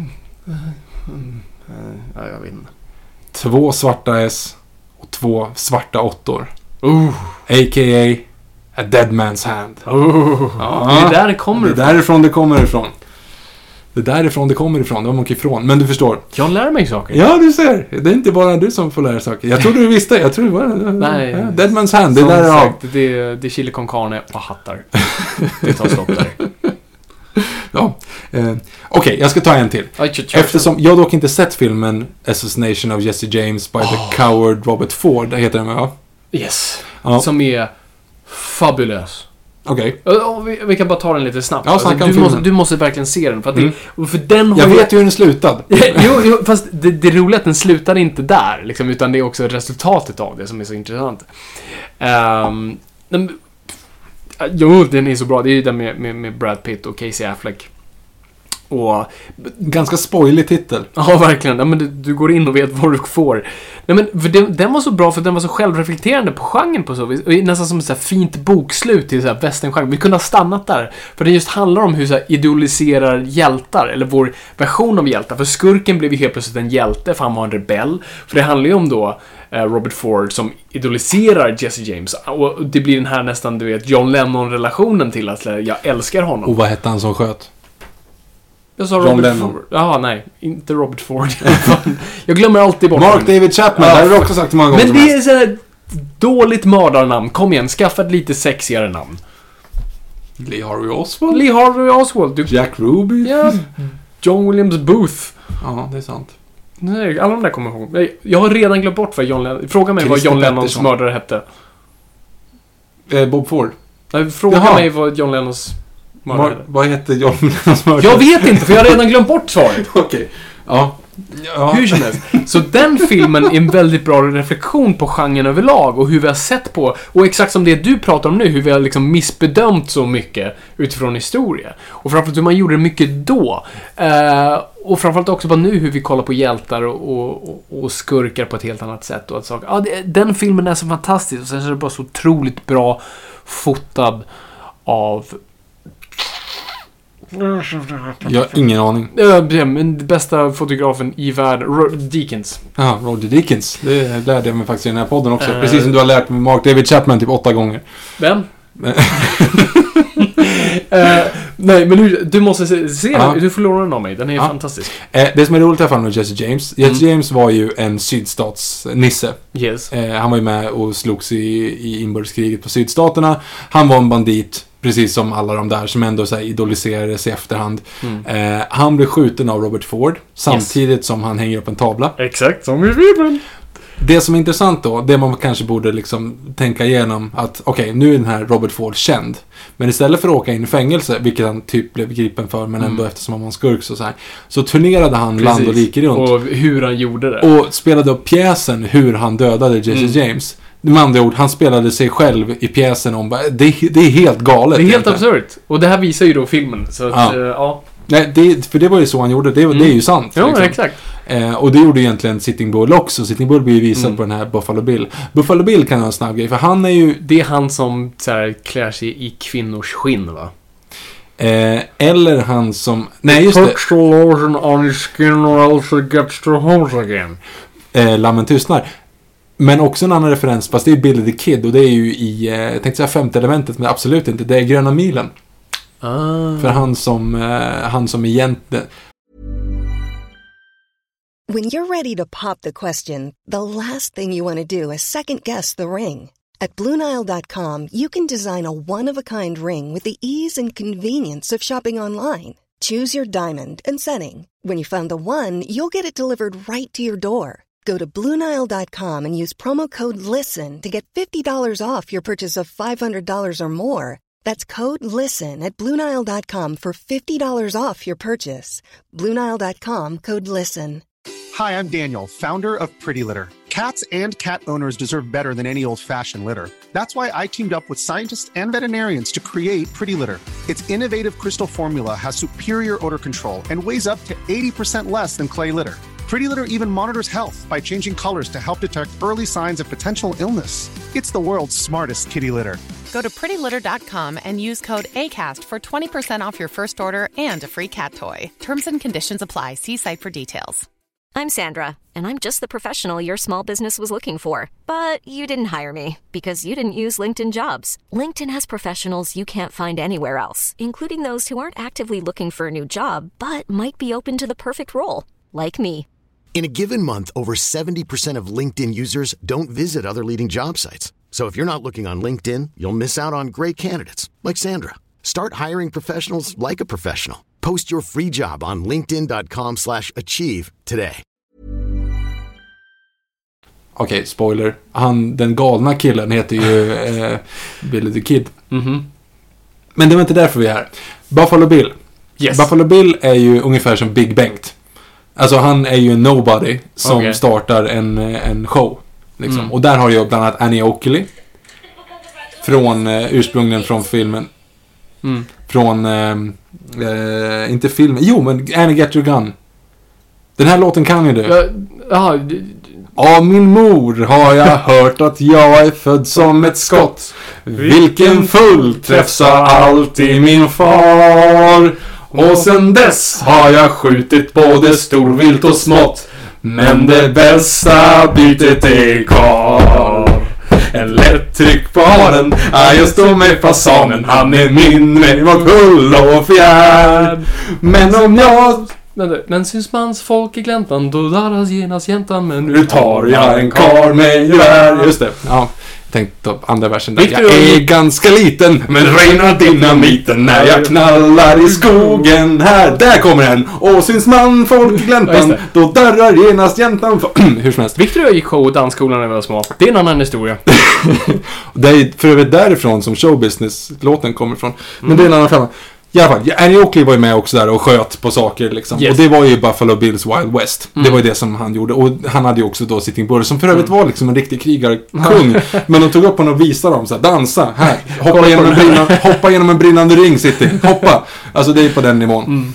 Eh, så Buffalo Bill är ju egentligen nobody, han är ju bara känd som den. Så han skrev sin egen myt kan man nästan säga. Ja, Det är intressant. han är känd för att ha dödat 4000 bufflar på typ så här en månad. Vilket inte är någonting att skryta över, men det var ju så de gjorde. Nej, för du var ju lite så här. Du behövde inte ens smyga på dem. Det var bara Hej! och så gjorde man det. Ja, För många gånger. och det, finns bufflarna kvar? Det var ju var, det finns man, bufflar kvar, det men finns- de var 50 miljoner på så här Och det 1840-talet. var lite kända att man sa att de här kommer aldrig ta slut. Ja, men typ. Men grejen var ju också att alltså, amerikanerna dödade ju bufflar for the sport. Ja, just alltså, absolut. de, de var ju åt dem inte och gjorde någonting. Sioux-indianerna, jättedåligt uttal. Sioux? Si- Sioux? Du vet vilka de är. Du kan säga vad som helst. Skitsamma. De som, de är Sioux, säger jag nu. De, de följde ju bufflar. De var ju Buffalo Hunters, liksom. Mm. Som den här eh, indianen i Neverending Story också är. Eh, Atreyu. Han var en sån som jagade eh, bufflar. Mhm.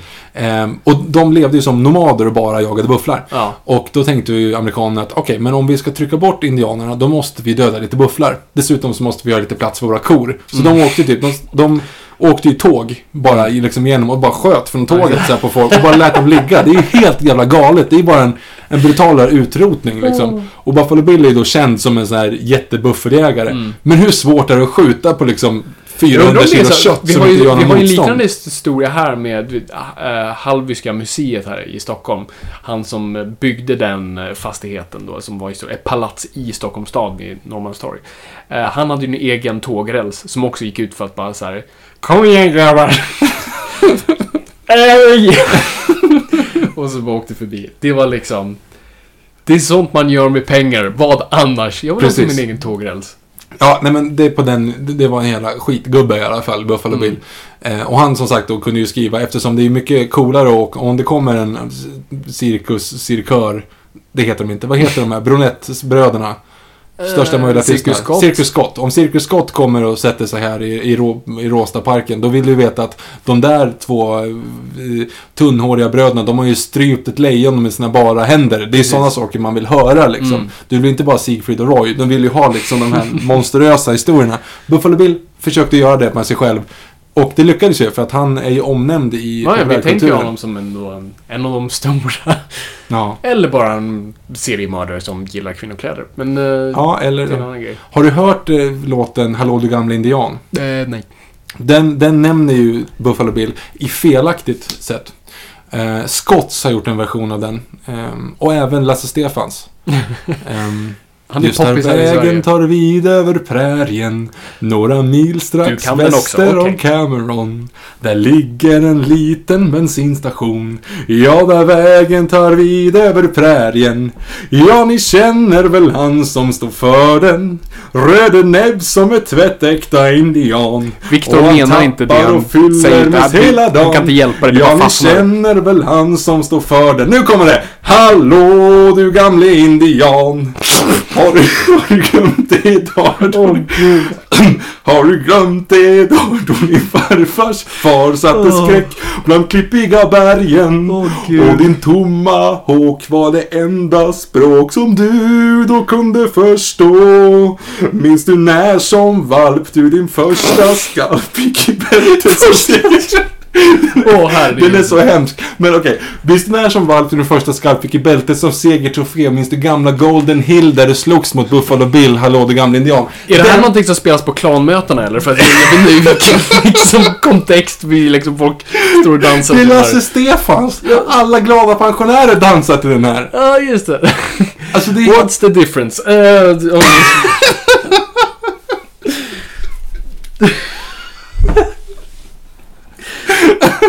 Alright.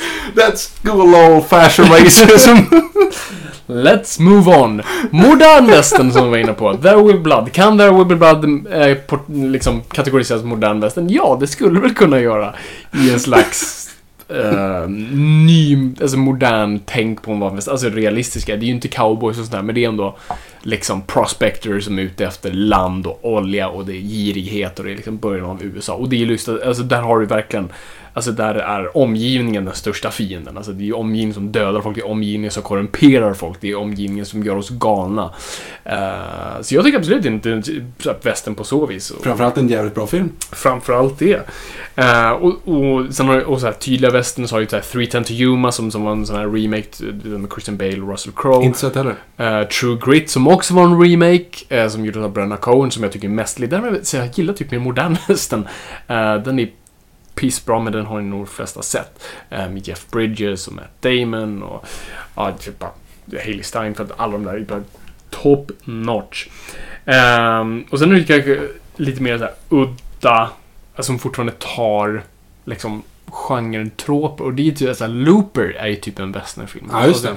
Mest för att alla ser ut och alla typ så här, de här onda snubbarna är klädda som cowboys. Den är bra också.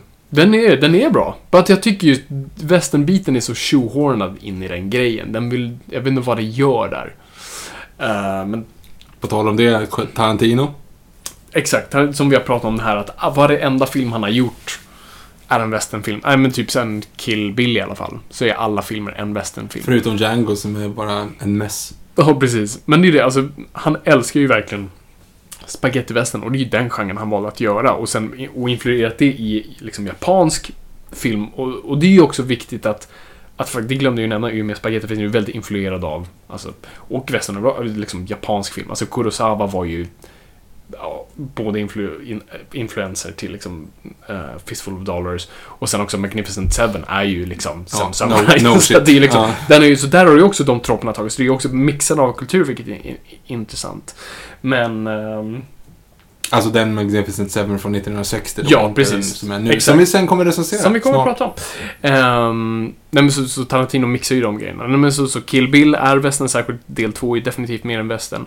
Uh, Inglourious Basterds är ju en västern och han ville att den först skulle heta Once upon a time in Nazi occupied Germany. Faller inte på tungan lika lätt. Nope. Men det var det jag skulle. Och den har ju liksom, han tar ju alltid Morricone-musik rakt av, vilket jag har svårt för. Eh, lyssna på vårt Tarantino-avsnitt, jag har rantat nog där. Hateful Eight. Hateful Eight som han nu gjorde senast tycker jag också är en blek västern. Eh, bokstavligt talat, för den är väldigt blek. Ehm, och ja, nej, jag tycker så här finner den ointressant och tror, så vi har pratat om det där. Japp. Eh, så där är det, alltså Star Wars kan du ju kategorisera som modern västern. Fantasy kanske. Eh, ja, precis, för de delar ju också samma liksom, mytologi. Men framförallt Episod 4 kan du ju, är ju nästan en westernfilm. Alltså Ha- Han Solo är ju en cowboy. Mer eller mindre. Mm. Man with no name. Som vi har tjatat ut lite grann i Star Wars-avsnittet. Ja, precis. Ehm, nej men och, och... Nej men så det känns som westernfilmer börjar så här, krypa tillbaka lite. Vi ser allt fler och fler filmer som kommer in och testar vattnet lite.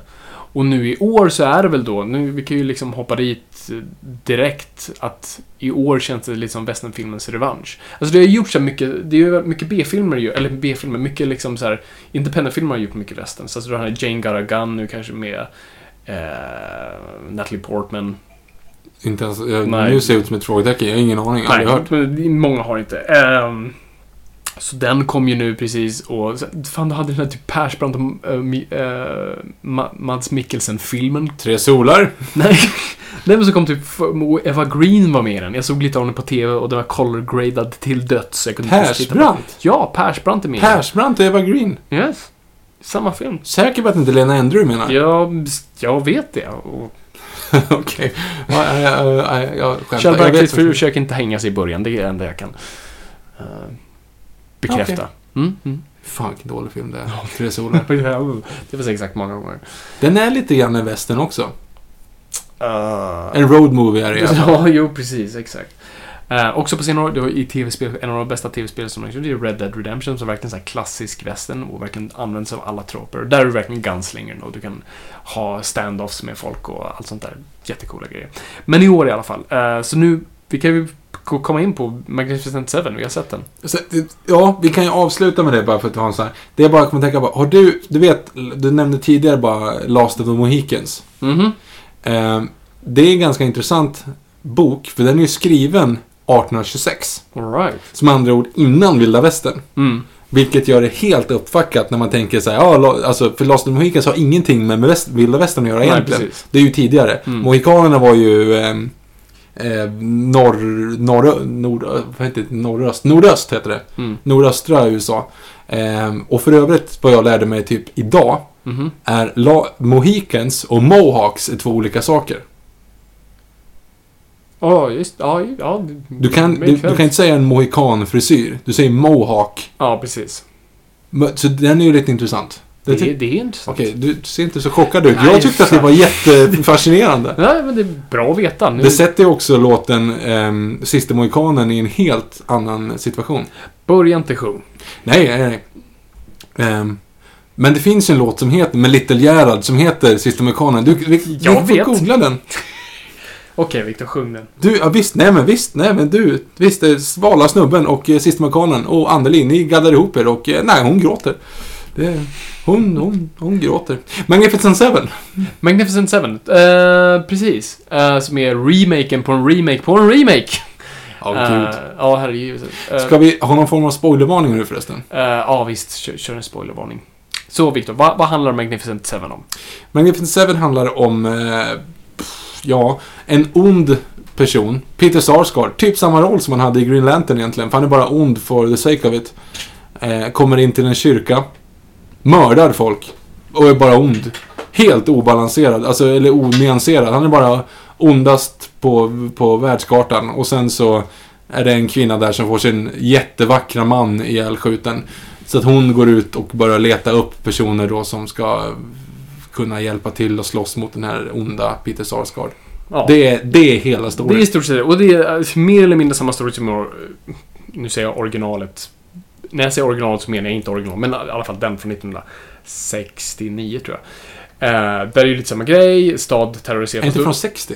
Det kanske är 60. Bu- Butch Cassidy and Sundance Kid är från det 69. är 60, ja, Jag de där, tror är- att, det är 60, precis. att uh, Magnificent Seven är 60. Du har nog rätt. Um, nej, men för där är ju samma sak. För där har de en mexikansk stad, mexikaner som är terroriserade av en liksom, snubbe som kommer dit i stort sett, äter deras mat och ligger med deras brudar. eh, kommer in och härjar och sen drar. Eh, Det är ju jobbigt. Och det är jobbigt. Och det är bönder som inte kan slåss. Så att de liksom vill samla folk då i, på andra sidan gränsen.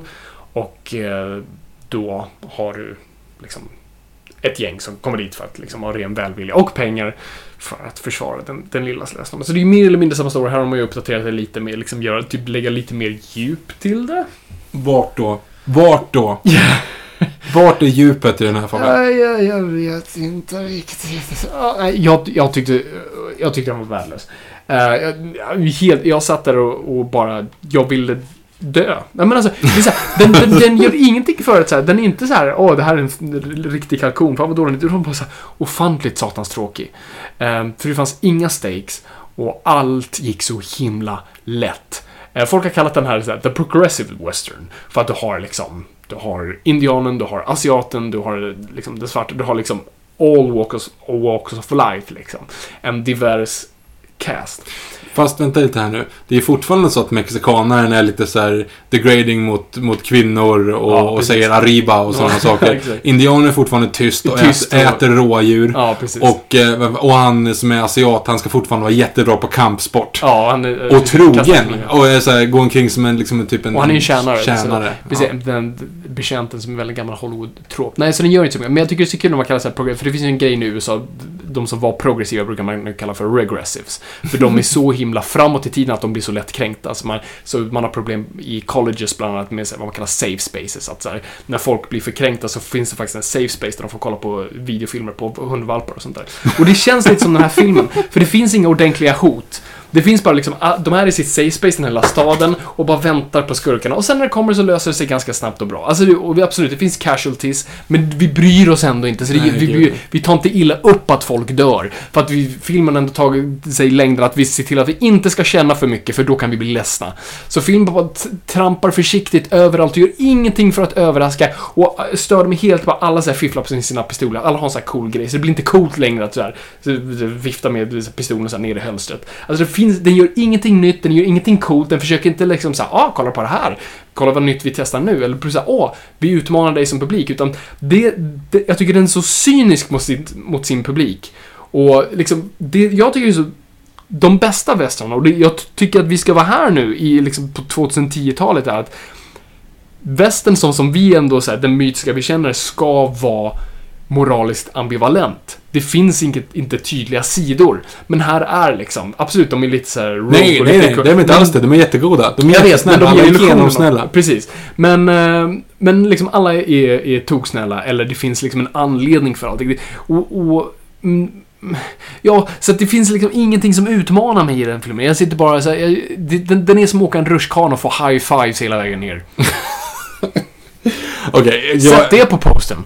jag, är inte, jag är inte lika negativ som du. Jag Mm. var ändå rätt underhållen för att den är, den är rätt snygg. Tycker jag. Men den ger ingenting för att den är super, super safe.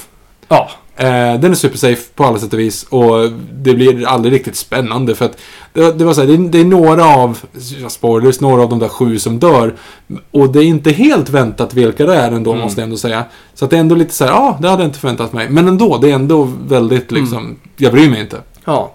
Men man hade kunnat göra så mycket. Just med en sån här diverse cast är jättebra smart koncept.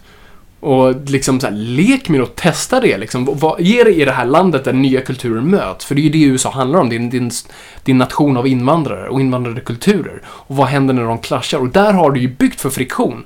Men han är liksom, hej hej polare. Alltså du vet, det finns Alla är polare Ja, direkt. exakt. Och det, så det finns ingenting där som så här utmanar karaktärerna på något vis. Och det, det, och det, det bara luktar en enorm egoism över det. Särskilt Denzel Washington-karaktären som liksom, om du ska vara god, det är det jag tycker i västern ändå, trots att allting ska vara liksom moraliskt ambivalent, men när någon väl är god så är det för dens personliga kodex. Men vet du vad? Som i Magnificent Seven, när Brenners karaktär bara känner att bara, nej men vet du vad? För mig känns det här rätt att hjälpa dig. Jag, jag, jag satsar in mitt liv för det nu, för att jag känner att det är rätt. Eh, det gör honom inte till en god människa, det gör det till att han har en personlig kodex. Men i det här fallet så har du Denzel Washington gör det av för pengars skull. Japp. Och sen får vi reda av en annat personligt skäl. Just det. Eh, så att han är ju egentligen bara ett asshole, och inte det här roliga asshole-mässigt, utan bara så här. pff, Mm. Total uh, egoism och ingen liksom, ingen charm. Nej, så jag bara, total själlös film. Jättetråkig. Se originalet, det var ändå av de här gamla westernfilmerna, jag älskar inte den första Magnificent Seven, men den har vissa bra, Joel Brenner är skitbra, och det finns många intressanta frågor i den filmen istället för den har också den här invandrar invandraraspekten av det, för att Joel Brenner spelar också en, en invandrade karaktär och du har mexikanerna och liksom hur vi vandrar över gränsen för att hjälpa varandra. Och sen, så den har ju mycket av de grejer som den här filmen inte har, och vi är på 2010-talet nu, och det känns konstigt att Magnificent Seven från 1960 är mer progressiv än den nya. Ja, det håller jag med om. Så det känns weird. Så om vi lämnar den åt sidan och snackar Westworld. Det kan vi göra. För den kom, vi har inte sett den, Nej. eh, för den har inte haft premiären. Men eh, vi har båda sett originalet. Uh, så, så vad är dina förväntningar? Liksom så här, vad, vad tycker du för första om, om Westworld, som är då Michael Crichtons eh, Som film? för övrigt skrev Jurassic Park. Han skrev Jurassic Park och han regisser, skrev och regisserade den här filmen. eh, helt själv, utan liksom på en egen upplaga. Han skrev den här filmen. Och senare modifierade den till att bli Jurassic Park. Jurassic Park. För det är exakt det. The theme park ride goes wrong. Ja, det är precis samma story Alltså egentligen. det är ju Pirates of the Caribbean eats people. Ja, jo, jo, gud ja. Ehm, alltså jag är ett stort... Jag gillar den här filmen. Jag Jag tyckte tyck- att den var, den var bra första halvan, eller vad man ska säga, liksom Mm. första delen. Men när, de, när T-Rexen kommer ut i paddocken, Okej. då tycker jag att det går ut för. Ja, alltså det, är en B-film. Men jag älskar att den omfamnar det. Den vill varken vara mer än vad den är. ehm, och den, den, är, alltså den använder sig av sina re- resurser helt okej. Och det är det som på något sätt gör den inte till en kalkon. Det är det som oftast är, det är en svår balansgång med filmer lite... Antingen, antingen tror de att de gör bäst film i världen. Och eh, det är The Room. Eller så vet de att de gör en kalkon likt eh, Sharknado och då är det liksom tråkigt. Men här finns det bara så här, okej, det här är det vi har att jobba med. Vi gör det bästa vi kan av det. Och jag tycker det är jätteroligt så här tankeexperiment. Uh, och så i vissa klassiska, jag är ett stort fan av Michael Crichton jag älskar han, han har nästan, den här världen är så väl uttänkt på så ändå lite tid. Så Mm. Allt man ser runt omkring, är så- för vi satt ju istället lite såhär, hur har de löst det där då? Och så kommer en förklaring till det. Mm. Eh, och den är skitsmart. Eh, och, jag, jag, jag, och Joel Brenner är skitbra som huvudroboten, som The Gunslinger. Och jag tycker det är en så här. om jag skulle sätta här topp 5 på westernfilmer, jag skulle placera den där. Det är ju mer en science fiction kanske än en Det är det, men absolut med, med, science fiction-tropen. Och det har fortfarande liksom, alltså den använder sig fortfarande av de så tidiga troperna av Alltså, de är the man with no name som kliver in i en ny värld för att liksom komma in och sen vandra ut igen. För de är anonyma i det här landet. För de Okej. så det, Ja, den har, ja, men den, den har en bra premiss, men jag menar, Mm. den pratar ju inte om någonting egentligen. Den, pra, den har ju inget tema, det är inget djupare liksom bakom Nej, alltså, det. det- Det, det är ju inget moraliskt dilemma bakom att det är robotar och sådana saker. Det är bara teknik goes wrong. Ja men en teknikkonservang och ändå 1973, 75. eh, den 73, pratar ju om rädslan för datorvirus och vad som händer, alltså hur, vad händer när, när maskiner blir så pass lika oss så ju mer, alltså man brukar säga ju ljusare bild ju större negativ. Så att samma fel som vi har är även applicerbara för dem. Och där pratar vi om virus bland annat. Så datavirus, de pratar om en sjukdom i det här fallet och det är man kan säga ett datavirus som de inte kan förklara. Så det är det jag tycker är intressant. Alltså, man pratar om den felande länken hos den tekniken som ska ersätta oss. Och jag tycker det är en intressant diskussion. Uh, så jag tycker absolut den har lite mellan öronen. Alltså, den går inte superhårt på det här, men jag tycker den gör något. Alltså, för det är ju så lätt när man pratar om artificiell intelligens och börjar gå på existentialism, vilket den här har, men inte på samma sätt. Uh, det här är mer en cautionary tale. uh, som så många science fiction var på den tiden. Alltså, beware of the technology. Men, eh, men jag tycker den gör på ett nytt och innovativt sätt och, och ett sätt som jag saknar att man gör. Alltså att man, man, det blir så lätt nu att man pratar om det liksom eh, makro. Eh, det, liksom det stora hela runt mänskliga, men det går sällan in på mikro. Vad är, liksom, vad är det som biologiskt gör oss det, de vi är och det vi har skapat nu? Vad, vad följer med? Så det tycker jag är en intressant diskussion. Sorry, jag, jag ordbabblar här, men... Nej, eh, jag tycker det. Eh, så jag, jag, jag, jag tycker den, alltså fe- Felen med den tycker jag bara gör den nästan bättre. Det är lite som maskinerna själva liksom. Det är, det är fin, den är inte perfekt. Den är ju väldigt dåligt skådespelad. Från en, Hu- en huvudrollen är värdelös. Uh, och, och Joel Brenner är fantastisk. Jag tycker han är överglänser honom så att han bara spelar en robot som har typ tre repliker. Men uh, jag vet inte. Det, det är bara någonting med den filmen som tilltalar mig. Så jag är ju otroligt intresserad nu av att se vad HBO gör. Det känns den som att då kan man ju göra en lite smartare. Alltså, Precis. för du har ju en så jävla bra premiss och Mm. du behöver inte bara sluta med att du ska spri- liksom springa och skjuta liksom. Nej, Sista delen av den. Mm. Nej, exakt. De har ju sagt att det här ska vara nya Game of Thrones, så att det ska ju sträcka sig. Det undrar jag hur man sträcker Hur ska det sträcka sig flera säsonger? Nej men det kommer ju bli existentiellt. Nu kommer du ju snacka makro. Mm. Alltså nu kommer det ju vara den att, att vad är mänskligt? Det är en Ja, ex-machina liksom. Jo, men alltså vad, om en robot anser sig vara mänsklig är mänsklig. Det kommer Mm. vara den principen Det, liksom. Baserat på trailern ser det ut att vara så. Ja. Eh, och jag hoppas vi får en bit av båda. Men jag undrar väl liksom, hur gör man det här i längre säsonger? Alltså för att det är ändå så här, theme, parks, theme park ride goes wrong. Men det behöver inte goes wrong. Det kan ju bara vara att goes uh, sentient. Ja, men precis. Men hur håller du det levande? Kommer det sen bli att världen blir en egen värld, det blir instängd och du har liksom... Det blir som sin egen lilla universum sen, där vi kommer bara röra oss endast. Ja, eller så är det som Lost, att du använder samma karaktärer fast i typ en annan värld och sen så kommer... Nej, jag vet ingen. Tror du de kommer ha eh, Medieval World och eh, Roman World? Det ser inte ut så på trailern för det ser ut som att det är bara Det är en bara stor... Westworld. Jag hoppas Ja. det, för ni som inte har sett filmen, då, alltså Westworld är inte den enda världen. Du kan välja mellan tre världar och då är det Westworld, eh, du har Medieval World och du har Roman World. Roman World väl, väljer kvinnorna oftast. Ja, Hångla med snygga, romare. snygga romare. Eh, så jag hoppas att det, för det skulle ju vara något man kan vandra över de andra säsongerna, liksom, hur man kliver över de världarna. Precis samma story fast i Rom. Ja, vi bara upprepar det. Eh, nej men det, som du säger Victor, jag tror det finns jättemycket potential att expandera den här storyn. För det är så synd att det här liksom trycks ihop på 80 minuter i den här filmen. Och det finns ingen bok, Varav, ingen... varav 30 minuter är egentligen bara en snurre som springer omkring i öknen och blir jagad. Så att det med första 60 är jättebra, men sen... nej. Nej, precis. Så att, ja, och det ska bli kul för att det, baserat på trailern också verkar vi utgå från robotens sida, även Rachel Wood som spelar en sån här robot. Så det, det ska bli intressant att se det. Så det kommer ju, som du säger, det blir lite uh, Ex Machina och typ AI över det hela. Mm. Så att, nej, jag, jag, jag är fan hoppfull. Jag är riktigt taggad. Mm. Ja, Eh, ja, jag älskar Michael bra. Crichton och jag är glad att hans grejer fortsätter liksom. Att vi fortfarande bygger på hans stories. Han, han, alltså kan vi bara alla aspirera att bli som Michael Crichton liksom. Skriver Jurassic Park och en massa andra böcker. Han gör City-akuten. eh, och sen regisserade film. Alltså fan, om vi bara kan pre- prestera lite. Uh, promille av vad han gjorde så kan vi... Jag ska försöka. Gör det nu Viktor. Mm. Eh, By the way, du lärde mig en annan ny sak. Eh, Mhm. Om den svenska skådisen som åkte över till USA. ja, precis. Nu kommer inte jag ihåg vad han heter. Nej, inte jag heller, men det är skitsamma. Eh, men alltså under stumfilmstiden och sen lite senare, alltså tid, sent 1800-tal, så var det liksom en snubbe från liksom Norrland någonstans som kom till Hollywood. Och han hade väldigt höga kindben. Så att han blev känd för att spela en slags Poirot-karaktär som var en så här kinesisk detektiv. Som var väldigt vis, alltså sådana här klyschiga, ganska rasistiska bilder av kineser. Uh, eh, så han var vis, han kunde alltid prata i så här ordspråk och sånt där och han löste brott. Uh, och han liksom, han levde en riktigt lång karaktär, eller karriär på den karaktären. Uh, och han var med i någon western tror jag också. Men han är ju väldigt tacksamt utseende för att spela skurk. Liksom Absolut. med den tidens mått mätt. Vi har ju en, ja fast det kanske fan inte riktigt är västern. Ehm, vet du vem Joel Hillström? Nej, jag kan inte. Eller säg såhär, nej han hette inte Joel Hillström, han hette... Han hette Joel Hägg... Joel Hägglund tror han hette. Sen döpte han om sig till Joseph Hillström. Sen döpte han om sig till Joe Hill.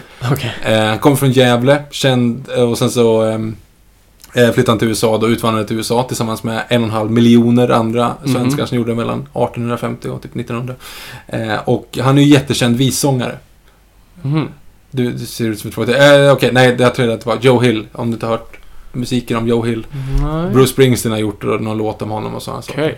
Ja, skitsamma, då var det inte lika intressant. Men det är en, en svensk västern, Så det, det, det är svenskar i västern, Ja. helt enkelt. Nytt segment. Sen så, ja, var väl han mer känd som så här politisk fackförening istället för västern, men ändå. Det är Ja, okej, ja, men all, alltid, alltid något. vi släpper den diskussionen. Vi släpper den diskussionen. Ska vi gå på frågor? Det gör vi. Wow!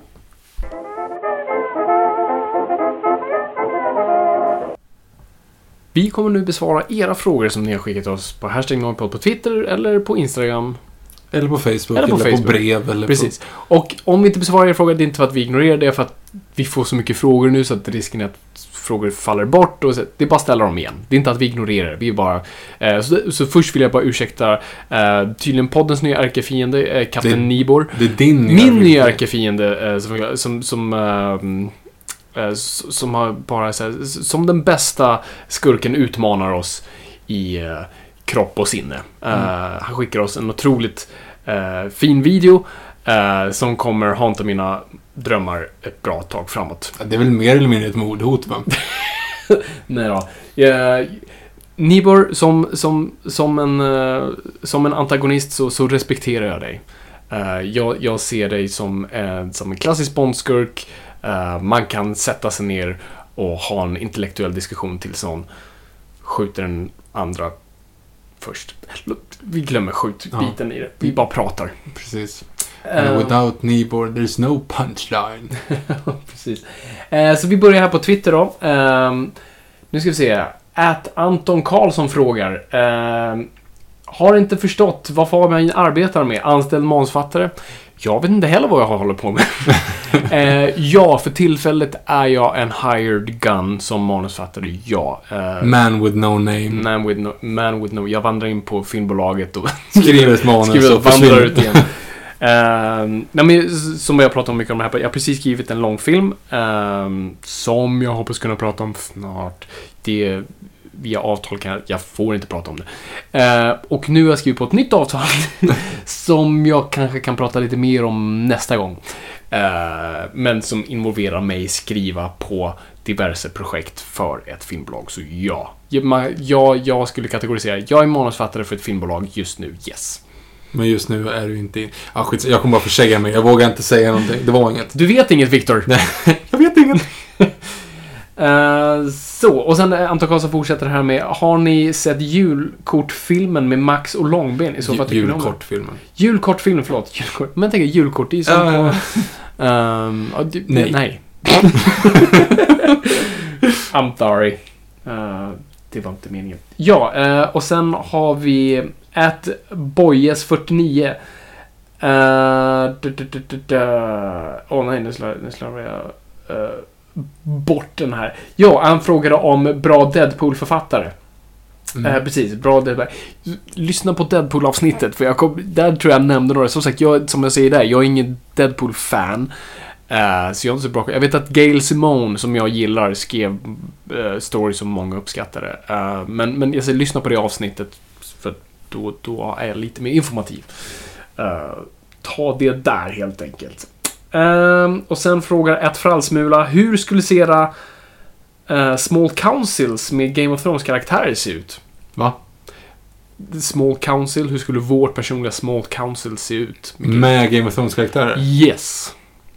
Så då, vilka skulle du troligtvis vilja ha, liksom, vilka ska du rådfråga?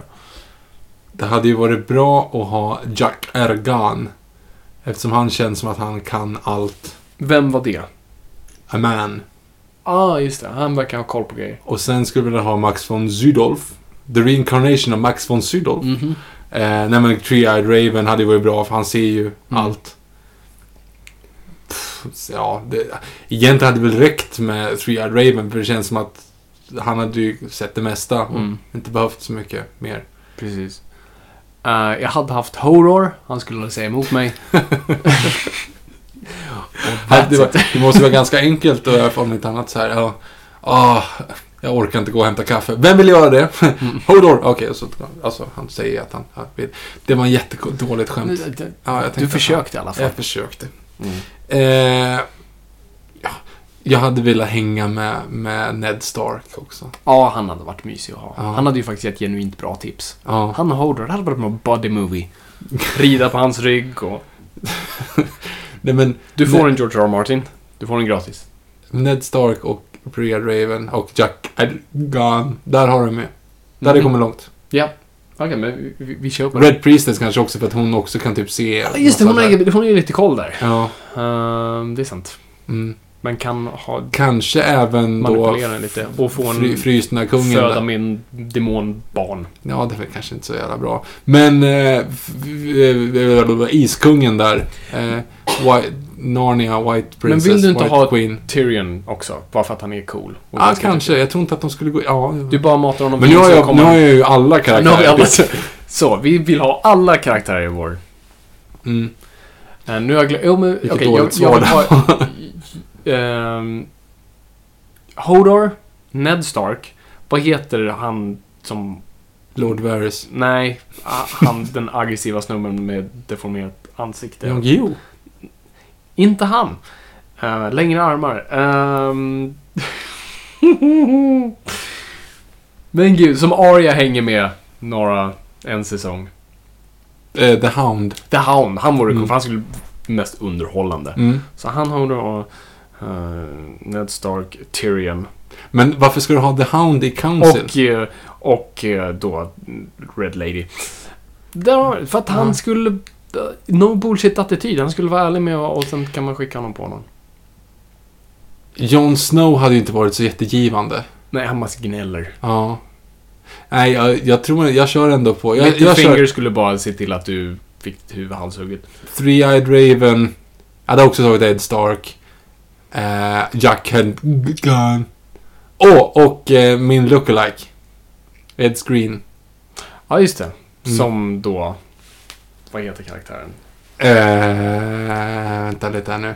Det här blev så okonstruktivt. Ja, men han heter ju Ed Screen, han som spelar den först. ja, jag vet. Och han i böckerna har han ett blått skägg. Ja, just det. Det har han inte i tv. Så Mm, han, han det heter...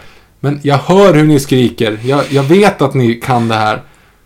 Nej, jag, jag kommer inte ihåg vi, nu vad det är. vi kom på massa arga tweets på det här. Ja, Okej. gud. Jag kommer Ehm, bort Det var länge sedan Game of Thrones var. Och, och eh, Frank Underwood såklart. Ja, absolut. Eh, Ät Lundin 17. Spontant från toppen av era huvuden. Vilka är era tre favoritfilmer? Oj, tack för en grym podd. Tack själv. Shit, jag har alltid svårt för topplistor för att alltså, det, det går ju alltid från så här. Vad tycker jag om idag? Men okej, spontant säger jag... eh, eh, eh, jag säger Chinatown, 2001 och Sunset Boulevard. Jag säger Barry Lyndon, Pulp Fiction tror jag är där, jag vet inte riktigt. Jag tror att den är där uppe. Och sen Mm. eh, ska jag faktiskt säga, om man ska säga favoritfilmer, en sån här film som du vet alltid går på och alltid är helt fantastisk. Mm. Så är det första Sagan om ringen. Okej, ja, fine. Det, jag är inte här för att döma högljutt. det är så här super blockbuster-varning, men ja. Yes. Kanske inte Ehm. Pulp Fiction, inte Berlin heller. Bara den. Att Joakim Mg. Förlåt? Joakim MG. Mm. Eh, vem hoppas och vem tror ni kommer att regissera nästa Bond? Etablera monsterregissör eller kommer det gå in det? Det är en väldigt bra fråga för att nu har de ju kört lite mer etablerat med Sam Mendes. Så det är frågan om de vill fortsätta med den trenden, vilket jag inte hoppas. Jag älskar när de så här, hittar en ung, liten, villig, vild filmskapare och säger bara gör en Bond-film. Det är, det, det är så de har gjort det på Eon Productions, det är så jag vill att de gör. Okej. Om det inte är Martin... eh, Nej, vet du vad jag vill till nästa många? Om Daniel Craig inte är kvar längre, då vill jag att Martin Campbell kommer att regissera igen. För han introducerade Brosnan, han introducerade Craig, han kan introducera nästa. Okej. så länge han inte gör Green Lantern. Det, det är lite den jag har på min... Det kanske blir Ryan Reynolds som Bond. Låt oss inte gå dit. Har du någon regissör du skulle vilja... Nej. Okej. Eh, ett... Inte Colin Trevorrow, för jag tror inte att han kan... Jag tror inte att han kan någonting. Nej. eh, han måste fortfarande bli lite mer etablerad. Och stå fast att inte ha CGI. Uh, Precis. At Looster. Eh, något bra tips på en Batman-story som är underskattad? Helst en story som du inte har nämnt i podden tidigare. Oh! Har, har du nämnt alla, typ? Ja, ja, man har ju nästan gjort det. Det är... Gud, alltså om man ska ta liksom en mindre story, alltså då skulle jag gå... Det finns en jättebra story i, som en av mina absoluta favoriter i volymen, jag tror i första volymen av eh, Batman eh, Black and White, som är skriven och, och illustrerad av Bruce Timm, som är en eh, Two-Face story. Jag kommer inte ihåg vad den heter just nu. Det är så Dual Sides eller något sånt där. Som är en riktigt cool noir story. Som inte har någon Batman i sig alls. Och det har blivit en sån här riktig favorit som jag älskar att läsa. Som bara så bra litteratur. Så jag kommer inte på vad den heter just nu. Utan, men googla Bruce Tim eh, Two-Face Story. Two-Face Black and White så kommer den dyka upp. Eh, det är en riktigt ball story. Eh, så den skulle jag tipsa om. Jag, jag ska försöka komma ihåg. Och jag har inga tips. Uh, at Solmogen. Eh, kan ni göra ett avsnitt släpps slash snabb lista över filmer med mindtripping eh, och lista på bra slash dåliga filmer som Primer slash Donnie Darko.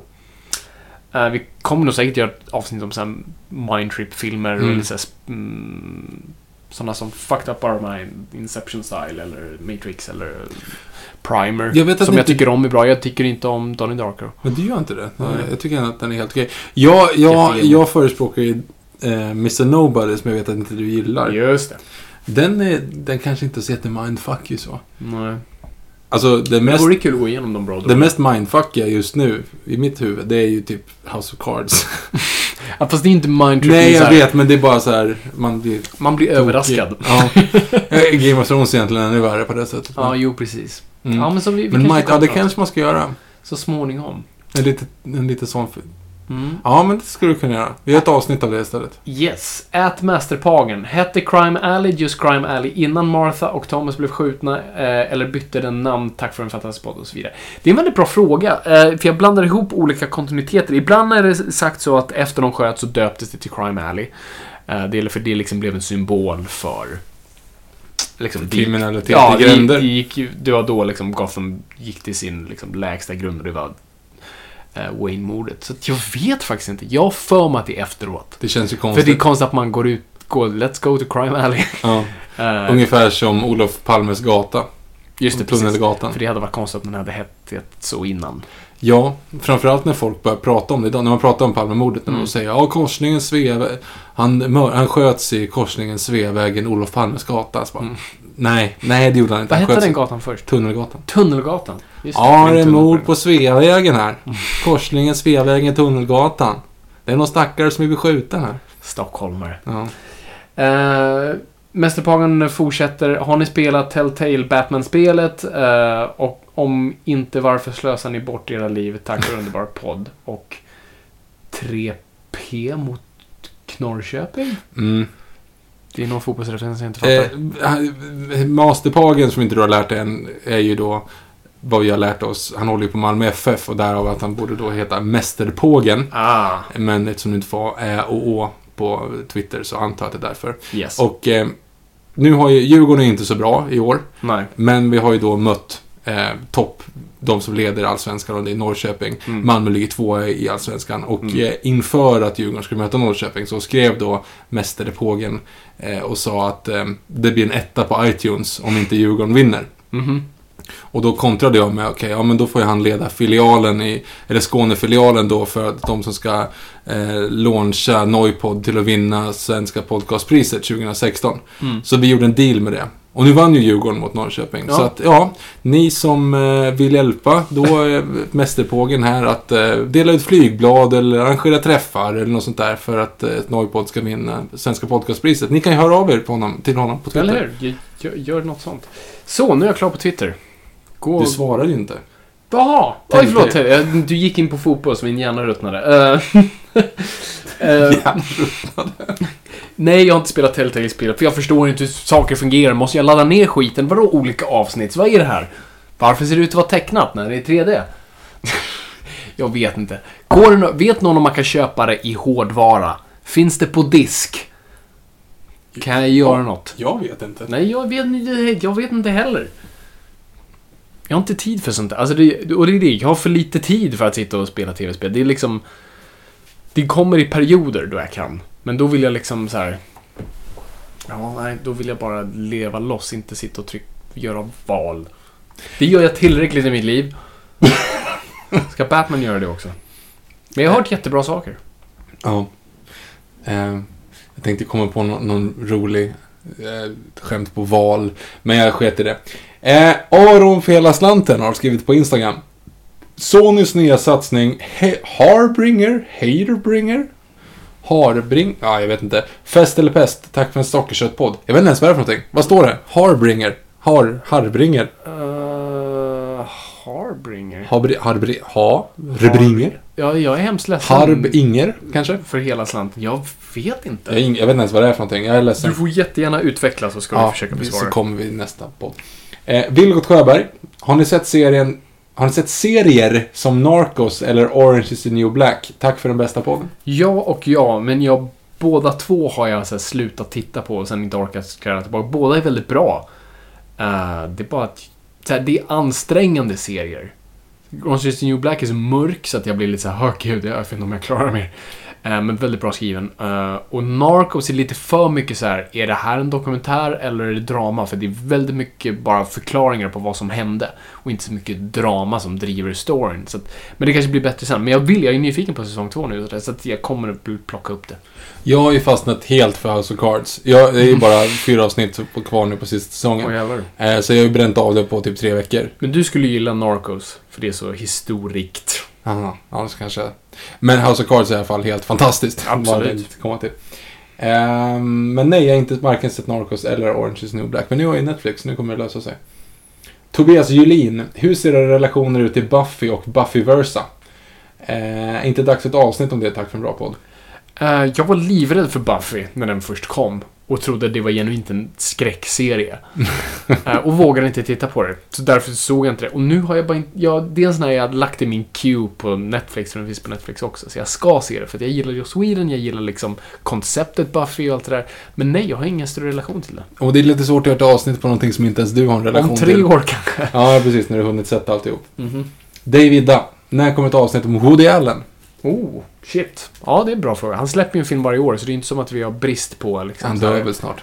Det också. Vi kanske ska vänta på det. Ja, jag menar mest att han inte släpper en film om han dör. Nej, precis. Det är klart, vi, vi måste väl göra en film om ett avsnitt om Woody Allen. Alltså, det finns för mycket filmer att ignorera. Mm. Eh, vilken Infinity Stone är med i Doctor Strange? Bra fråga. Finns det några kvar? Svara Jag, jag vet inte.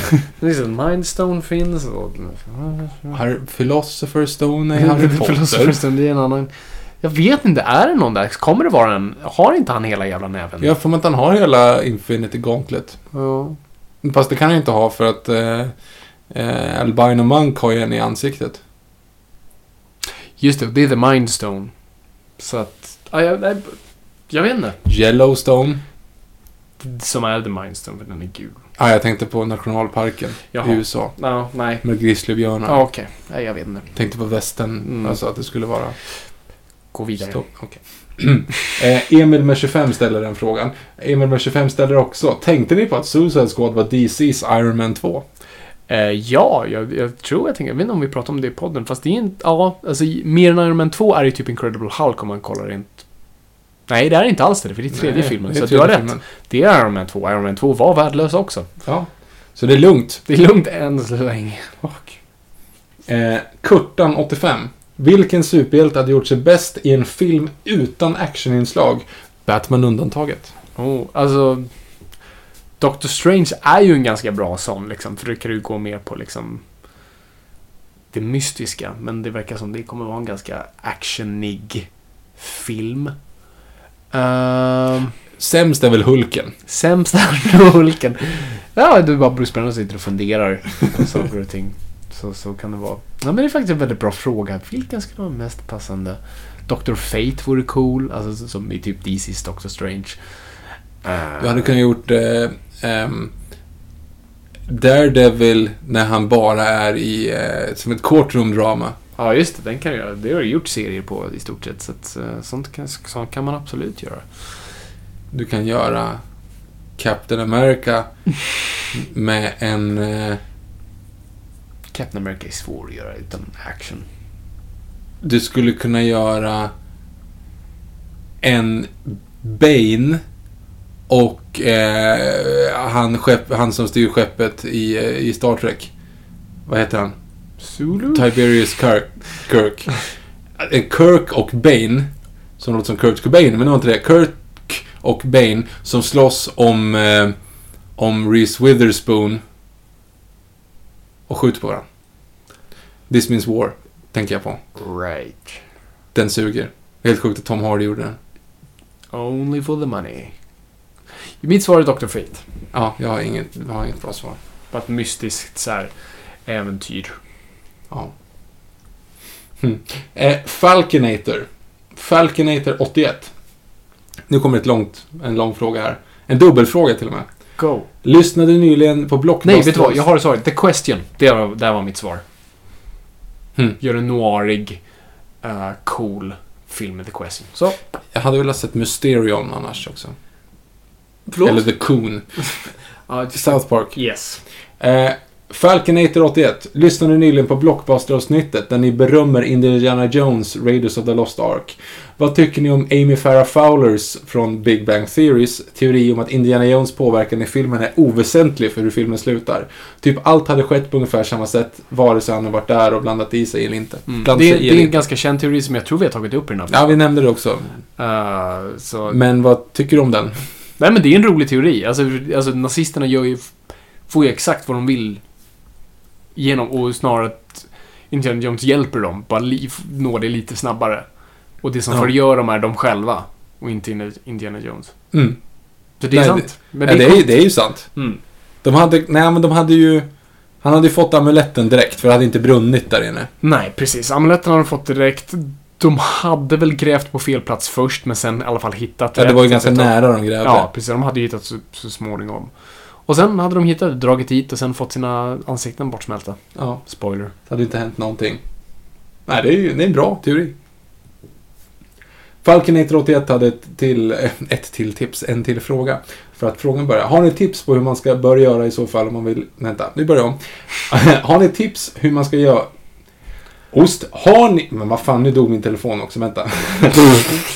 Har ni några tips på hur man bör göra ifall man vill fördjupa sina kunskaper inom filmvetenskap? Där satt den. Typ böcker eller om man kan gå kurser eller liknande. Och lyssna på Noipod då förstås. Såklart. Tack för en grym podd.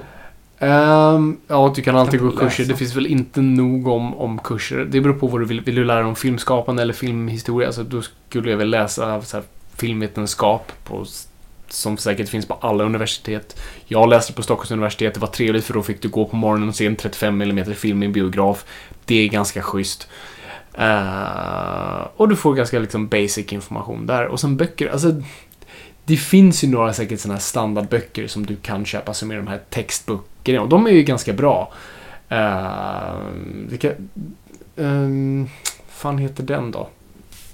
Uh, Jag, jag har inte läst film alls, jag har ingen aning. uh, jo, men- 1001 filmer du behöver Ja, just det, du 1001. ser Nej, men. The Film Experience är en sån här typisk textbok.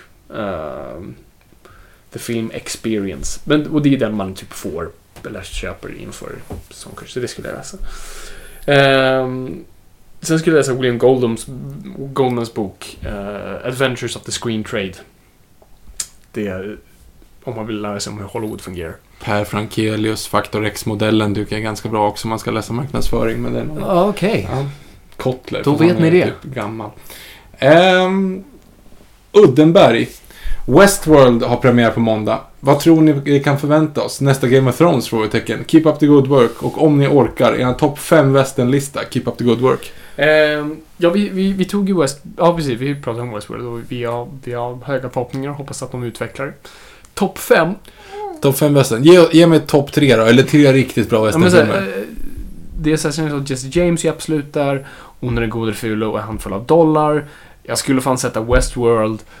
Uh, om vi säger- Westworld. Handfull av dollar. The Assassination of Jesse James. Uh,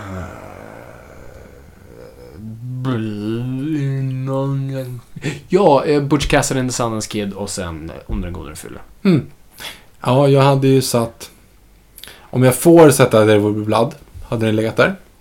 Mm, det är det. Jag hade ju satt den skulle ju toppa de flesta listor, men nu jag, jag går lite såhär Ja, cowboys. West- Western, western. Eh, jag vet inte, jag har lite svårt så. Men den absolut bästa westernfilmen i alla fall är en film som vi inte ens har nämnt. Och det är Blazing Saddles. Såklart. Det är den bästa westernfilmen Alltså, som det, gjorts. för det är en sån, alltså, och det som är så bra med den, att det, det inte är en pastisch. Utan, för det är en genuin westernfilm. Det handlar om outsiders, det handlar om hotet utifrån. Eh, den, den, den tar genren på 100% allvar. Gud ja. Och sen går det skämt runt omkring det. Och den är smart, den är progressiv. Uh, ofantligt jävla rolig. Och odödlig. Uh, Gene Wilder gick bort för ett litet tag sedan, vilket gjorde mig jätteledsen. Och han är sån fantastisk i. Men det är sån här, han var en sån skådespelare som kunde köra ett straight face och fortfarande vara hur jävla rolig som helst. Kan du komma på många skådisar som just kan ha ett, så här, ett genuint som spelar, du vet, inte överspela nästan någonting. Han gör ibland Nielsen. liksom. Ja, fast det är ändå så här, han har glimten i ögat. Men det hade inte uh, Gene Wilder på samma sätt. Jag säger inte att han alltid var så absolut, ibland spelande genuint komiska grejer, men, men särskilt Blazing Saddles, han spelar ju liksom en deprimerad alkoholist. Ja, den är bra. Eh, Eh, fun fact, by the way. Fun fact of the day. mm. Eh, Jack Starlett hette han som spelade Gabby Johnson. Alltså vet den här stora skäggiga... Ja, han, Yes. han regisserade en av de sämsta filmerna som har gjorts. Okej. Cry Blood Apache. Var det han? Han regisserade Cry, Blood Apache. Det, det, det var en trivia för dagen. Ja, eller hur? Det är ju lite coolt. Det var du inte med på. Mhm. Hade inte förväntat gick upp i morse. Um, Juanito 1. Har lyssnat igenom alla era DVD-kommentarer och tycker att det är riktigt underbart material. Vilken är er favoritkommentar? Eh, vilken är er favoritkommentar att göra? Och vilken var jobbigast? Jaha, okej. Eh, gör gärna många fler. Jobbigast var antingen Wolverine, Ja, det var för jävligt. för det var för sent på kvällen, eller typ senaste Transformers. Ja, nej, Transformers var ju hemsk för att den var lång. Men Wolverine, alltså, det, den var så, så, så dålig. Ja, men det var så då så vi kunde inte ens sitta och dissekera. Vi sa bara, okej, nu kommer han gåendes. Nej, men- och jag glömde bort vad, vad den handlade om mitt i filmen, så jag började kalla folk för ettan, tvåan och trean, så Ja. för jag glömde bort namnen på Och jag alltihop. somnade. Ja. Uh, Fabian somnar ju faktiskt i realtid, det är Mm. ganska roligt. Lista ut när jag pratar i sömnen, för det finns en stund där jag faktiskt inte vet vad jag säger. Ja.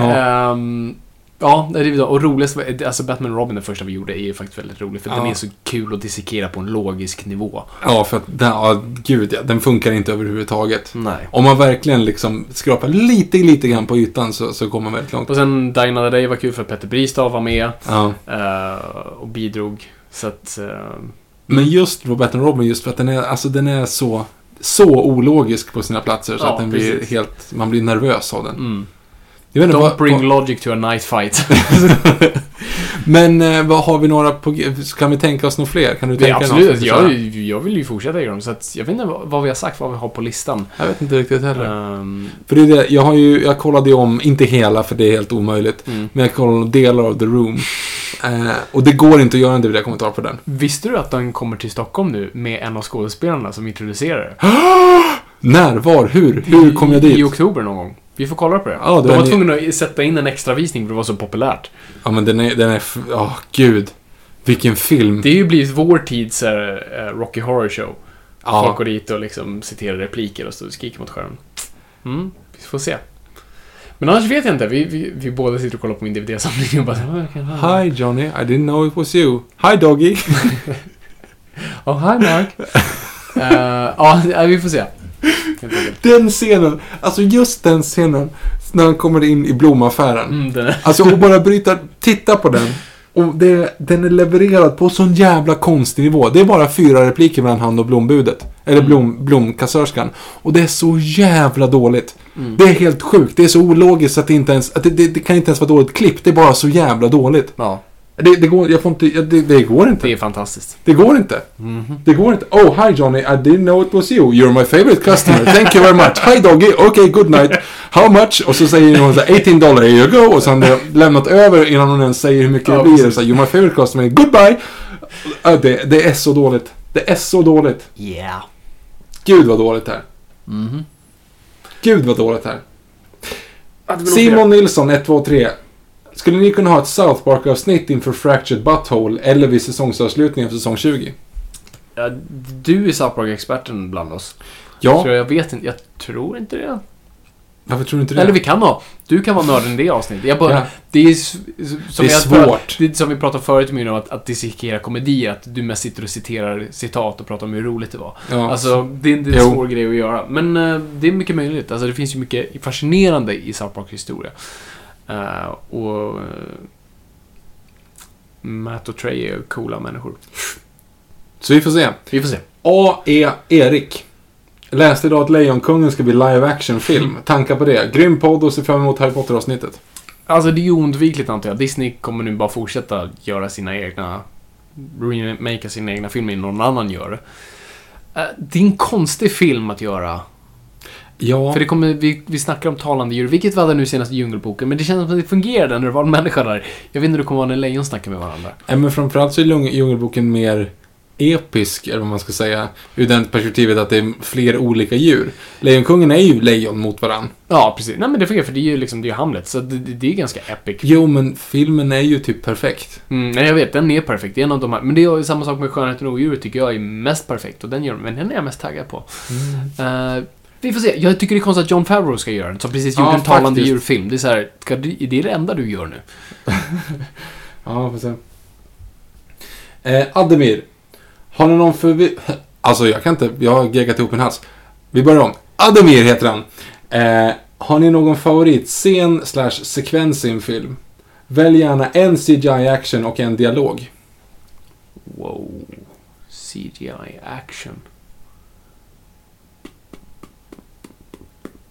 Ja. Alltså som actionscen ska jag säga att min favorit är tågfight-scenen i From Russia With Love. Eh, men den är inte CGI.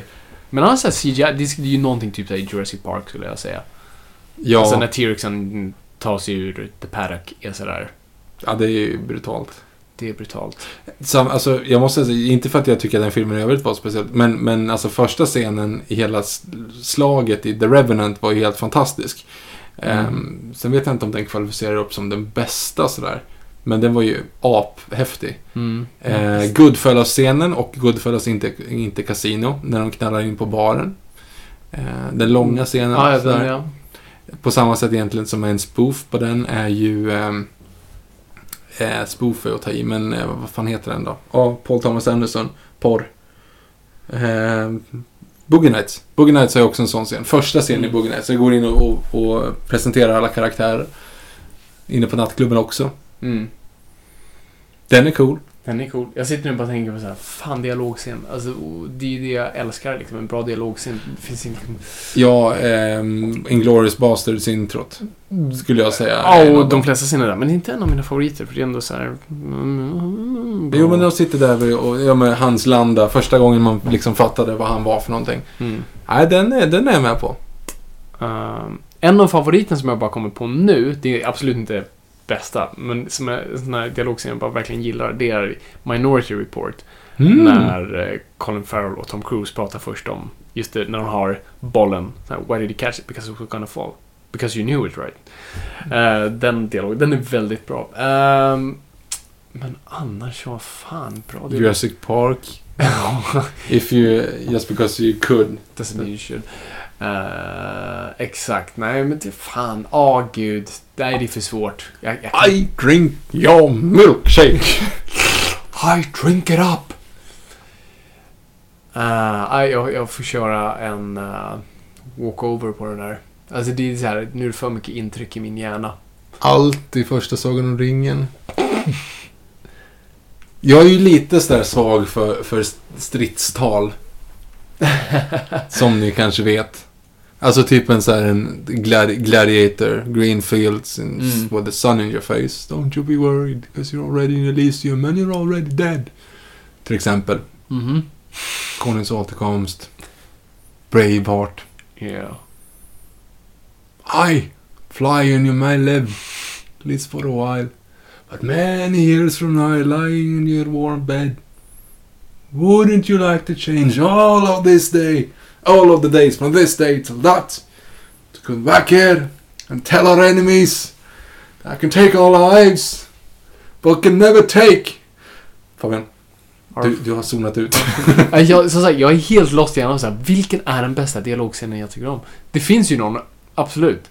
Mm. Som är sån där som jag liksom troligtvis här, tittar på om jag behöver någon slags inspiration. Så nu sitter jag bara tomt och där. Vet du vad? Jag funderar. Jag tar en walkover på den där för tillfället. I'll, I'll get back to you.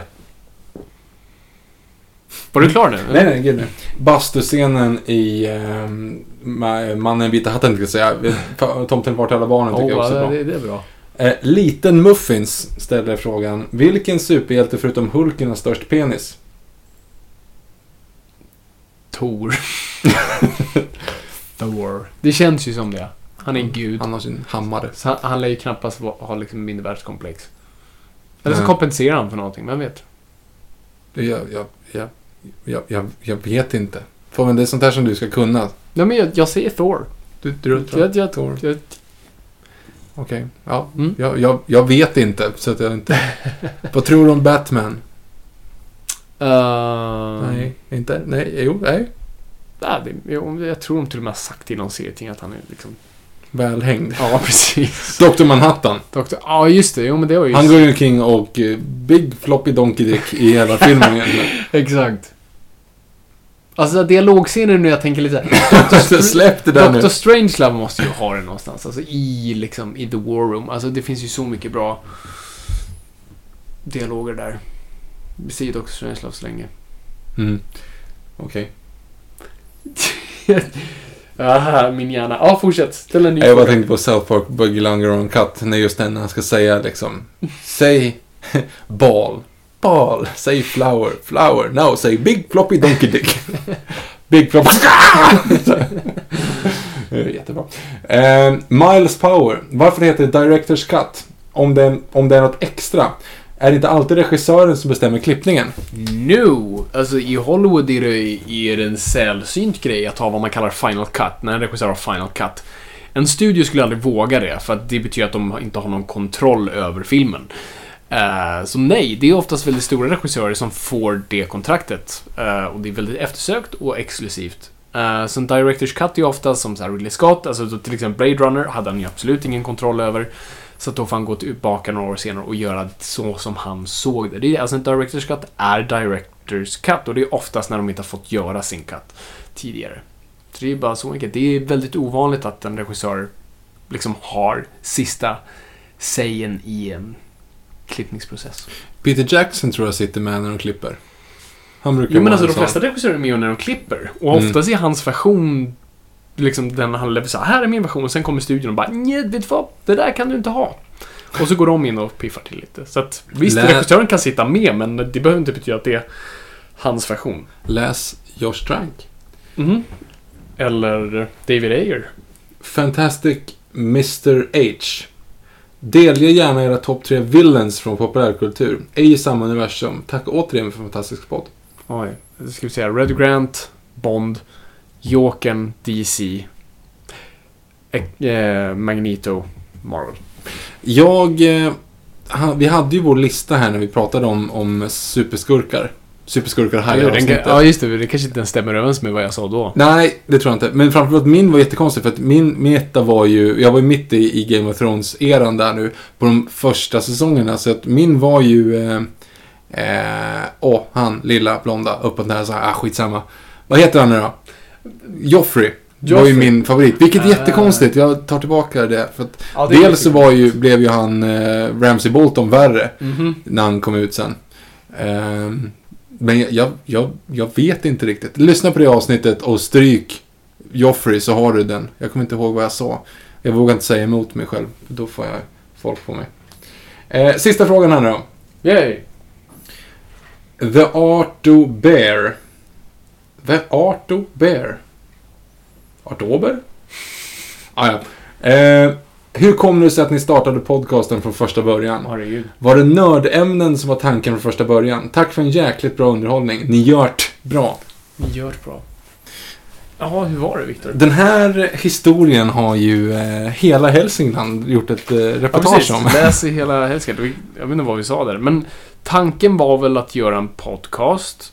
Eh, jag var först inte sugen för jag inte visste vad vi skulle prata om. För att jag, eller vi båda kände någonstans också att vi skulle inte göra det om det inte fanns liksom en lucka eller en anledning att göra det.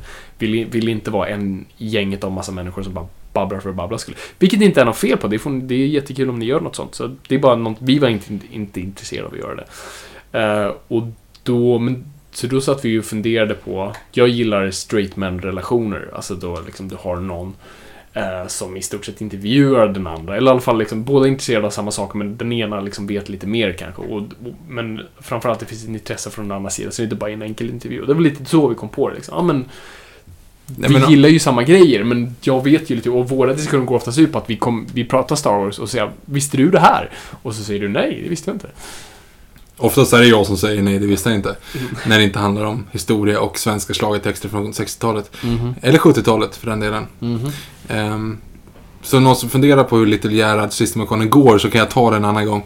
Eh, nej men grejen var att vi satt ju egentligen i en bastu i Söderhamn och så bara pratade vi del, dels om det här massa superhjältefilmer som kom. Och jag frågade dig bara liksom, vad- what's the, what's the grej liksom? Och fick en jordens utläggning om hur, ehm, hur världen är uppbyggd och, och hur eh, de, det är allting en allegori för det där och det andra en allegori för det där och då tänkte vi att nej men fuck it, det här måste vi spela in. Så då provade vi och den blev Första avsnittet blev okej, men nu tycker jag att det är bra. Absolut, nu har vi kommit in i tugget på så vis. Så att eh, egentligen så var det väl nördämnen och alltså egentligen det här konceptet var från första början. Ja, jo men exakt. Det fanns inget annat Nej, tanke. Så det är väl det. Det är väl så det var. Så var det. Så var det. Nu när jag tänker efter, jag undrar om Jaws Jag, det märker att du har bara tittat också. iväg hela, du har suttit de senaste tio Ja, men jag minuterna är helt bara. så här. Jag blir ju arg på mig själv för att jag är så här, ah, vilken är min favoritdialogscen? Alltså att uppenbart svar skulle vara så här Tarantino eller Aaron Sorkin. Jag måste, måste jobba på det. Mm, Men vi är klara här. Det är nog dags att bomma igen. Det tror jag. Eh, hör av er på hashtag Noipod på Twitter eller Instagram och eh, följ oss på @engbergviktor på Twitter och Fabian Nordlander på Twitter. Uh, hashtag Noipod så hittar ni oss var ni än är. Vi finns på Instagram på @noipod. Vi finns på Facebook om ni vill skriva lite längre inlägg. Eh, det är det vi har. Det är det vi Rate oss på iTunes. Och blir självklart jätteglada när ni hör av er med, med, med, med kommentarer eller hurrarop eller frågor eller något sånt där. Absolut. N-O-J-P-O-D, Nörden och jag-podd. Mm. Överallt. Yes! Det är ju stort sett det. Jag vet inte vad vi kommer pratar jag- om nästa gång. Nej, men nästa gång kommer jag vara invalid. Är det nästa gång? Ja. Är du säker? Ja, Det är fan sant. Tisdag den 11 kommer jag operera knät och sen kommer jag ligga still i två månader. Kom, hur spelar vi in från sjukhussängen eller måste vi Nej, jag vet innan? inte. Jag, om, antingen måste vi göra det innan eller så kommer jag vara liksom Det vore ju kul morfinad. att göra det när du är morfinad. Och låta dig gå loss på Disney. Ja, vi får se vad vi gör nästa gång. Eh, precis tycker att det här var spretigt. Vi- Vänta till nästa gång. Eller så gör vi ett avsnitt om Misery. Vi får se! Åh, du är Kathy Bates. Yeah. Okej, men eh, ja, nej, vi bommar igen. Så gör vi. Eh, tack för att ni har lyssnat. Det är kul att vara lyssnare och komma ihåg att folk. Ingenting är för nördigt.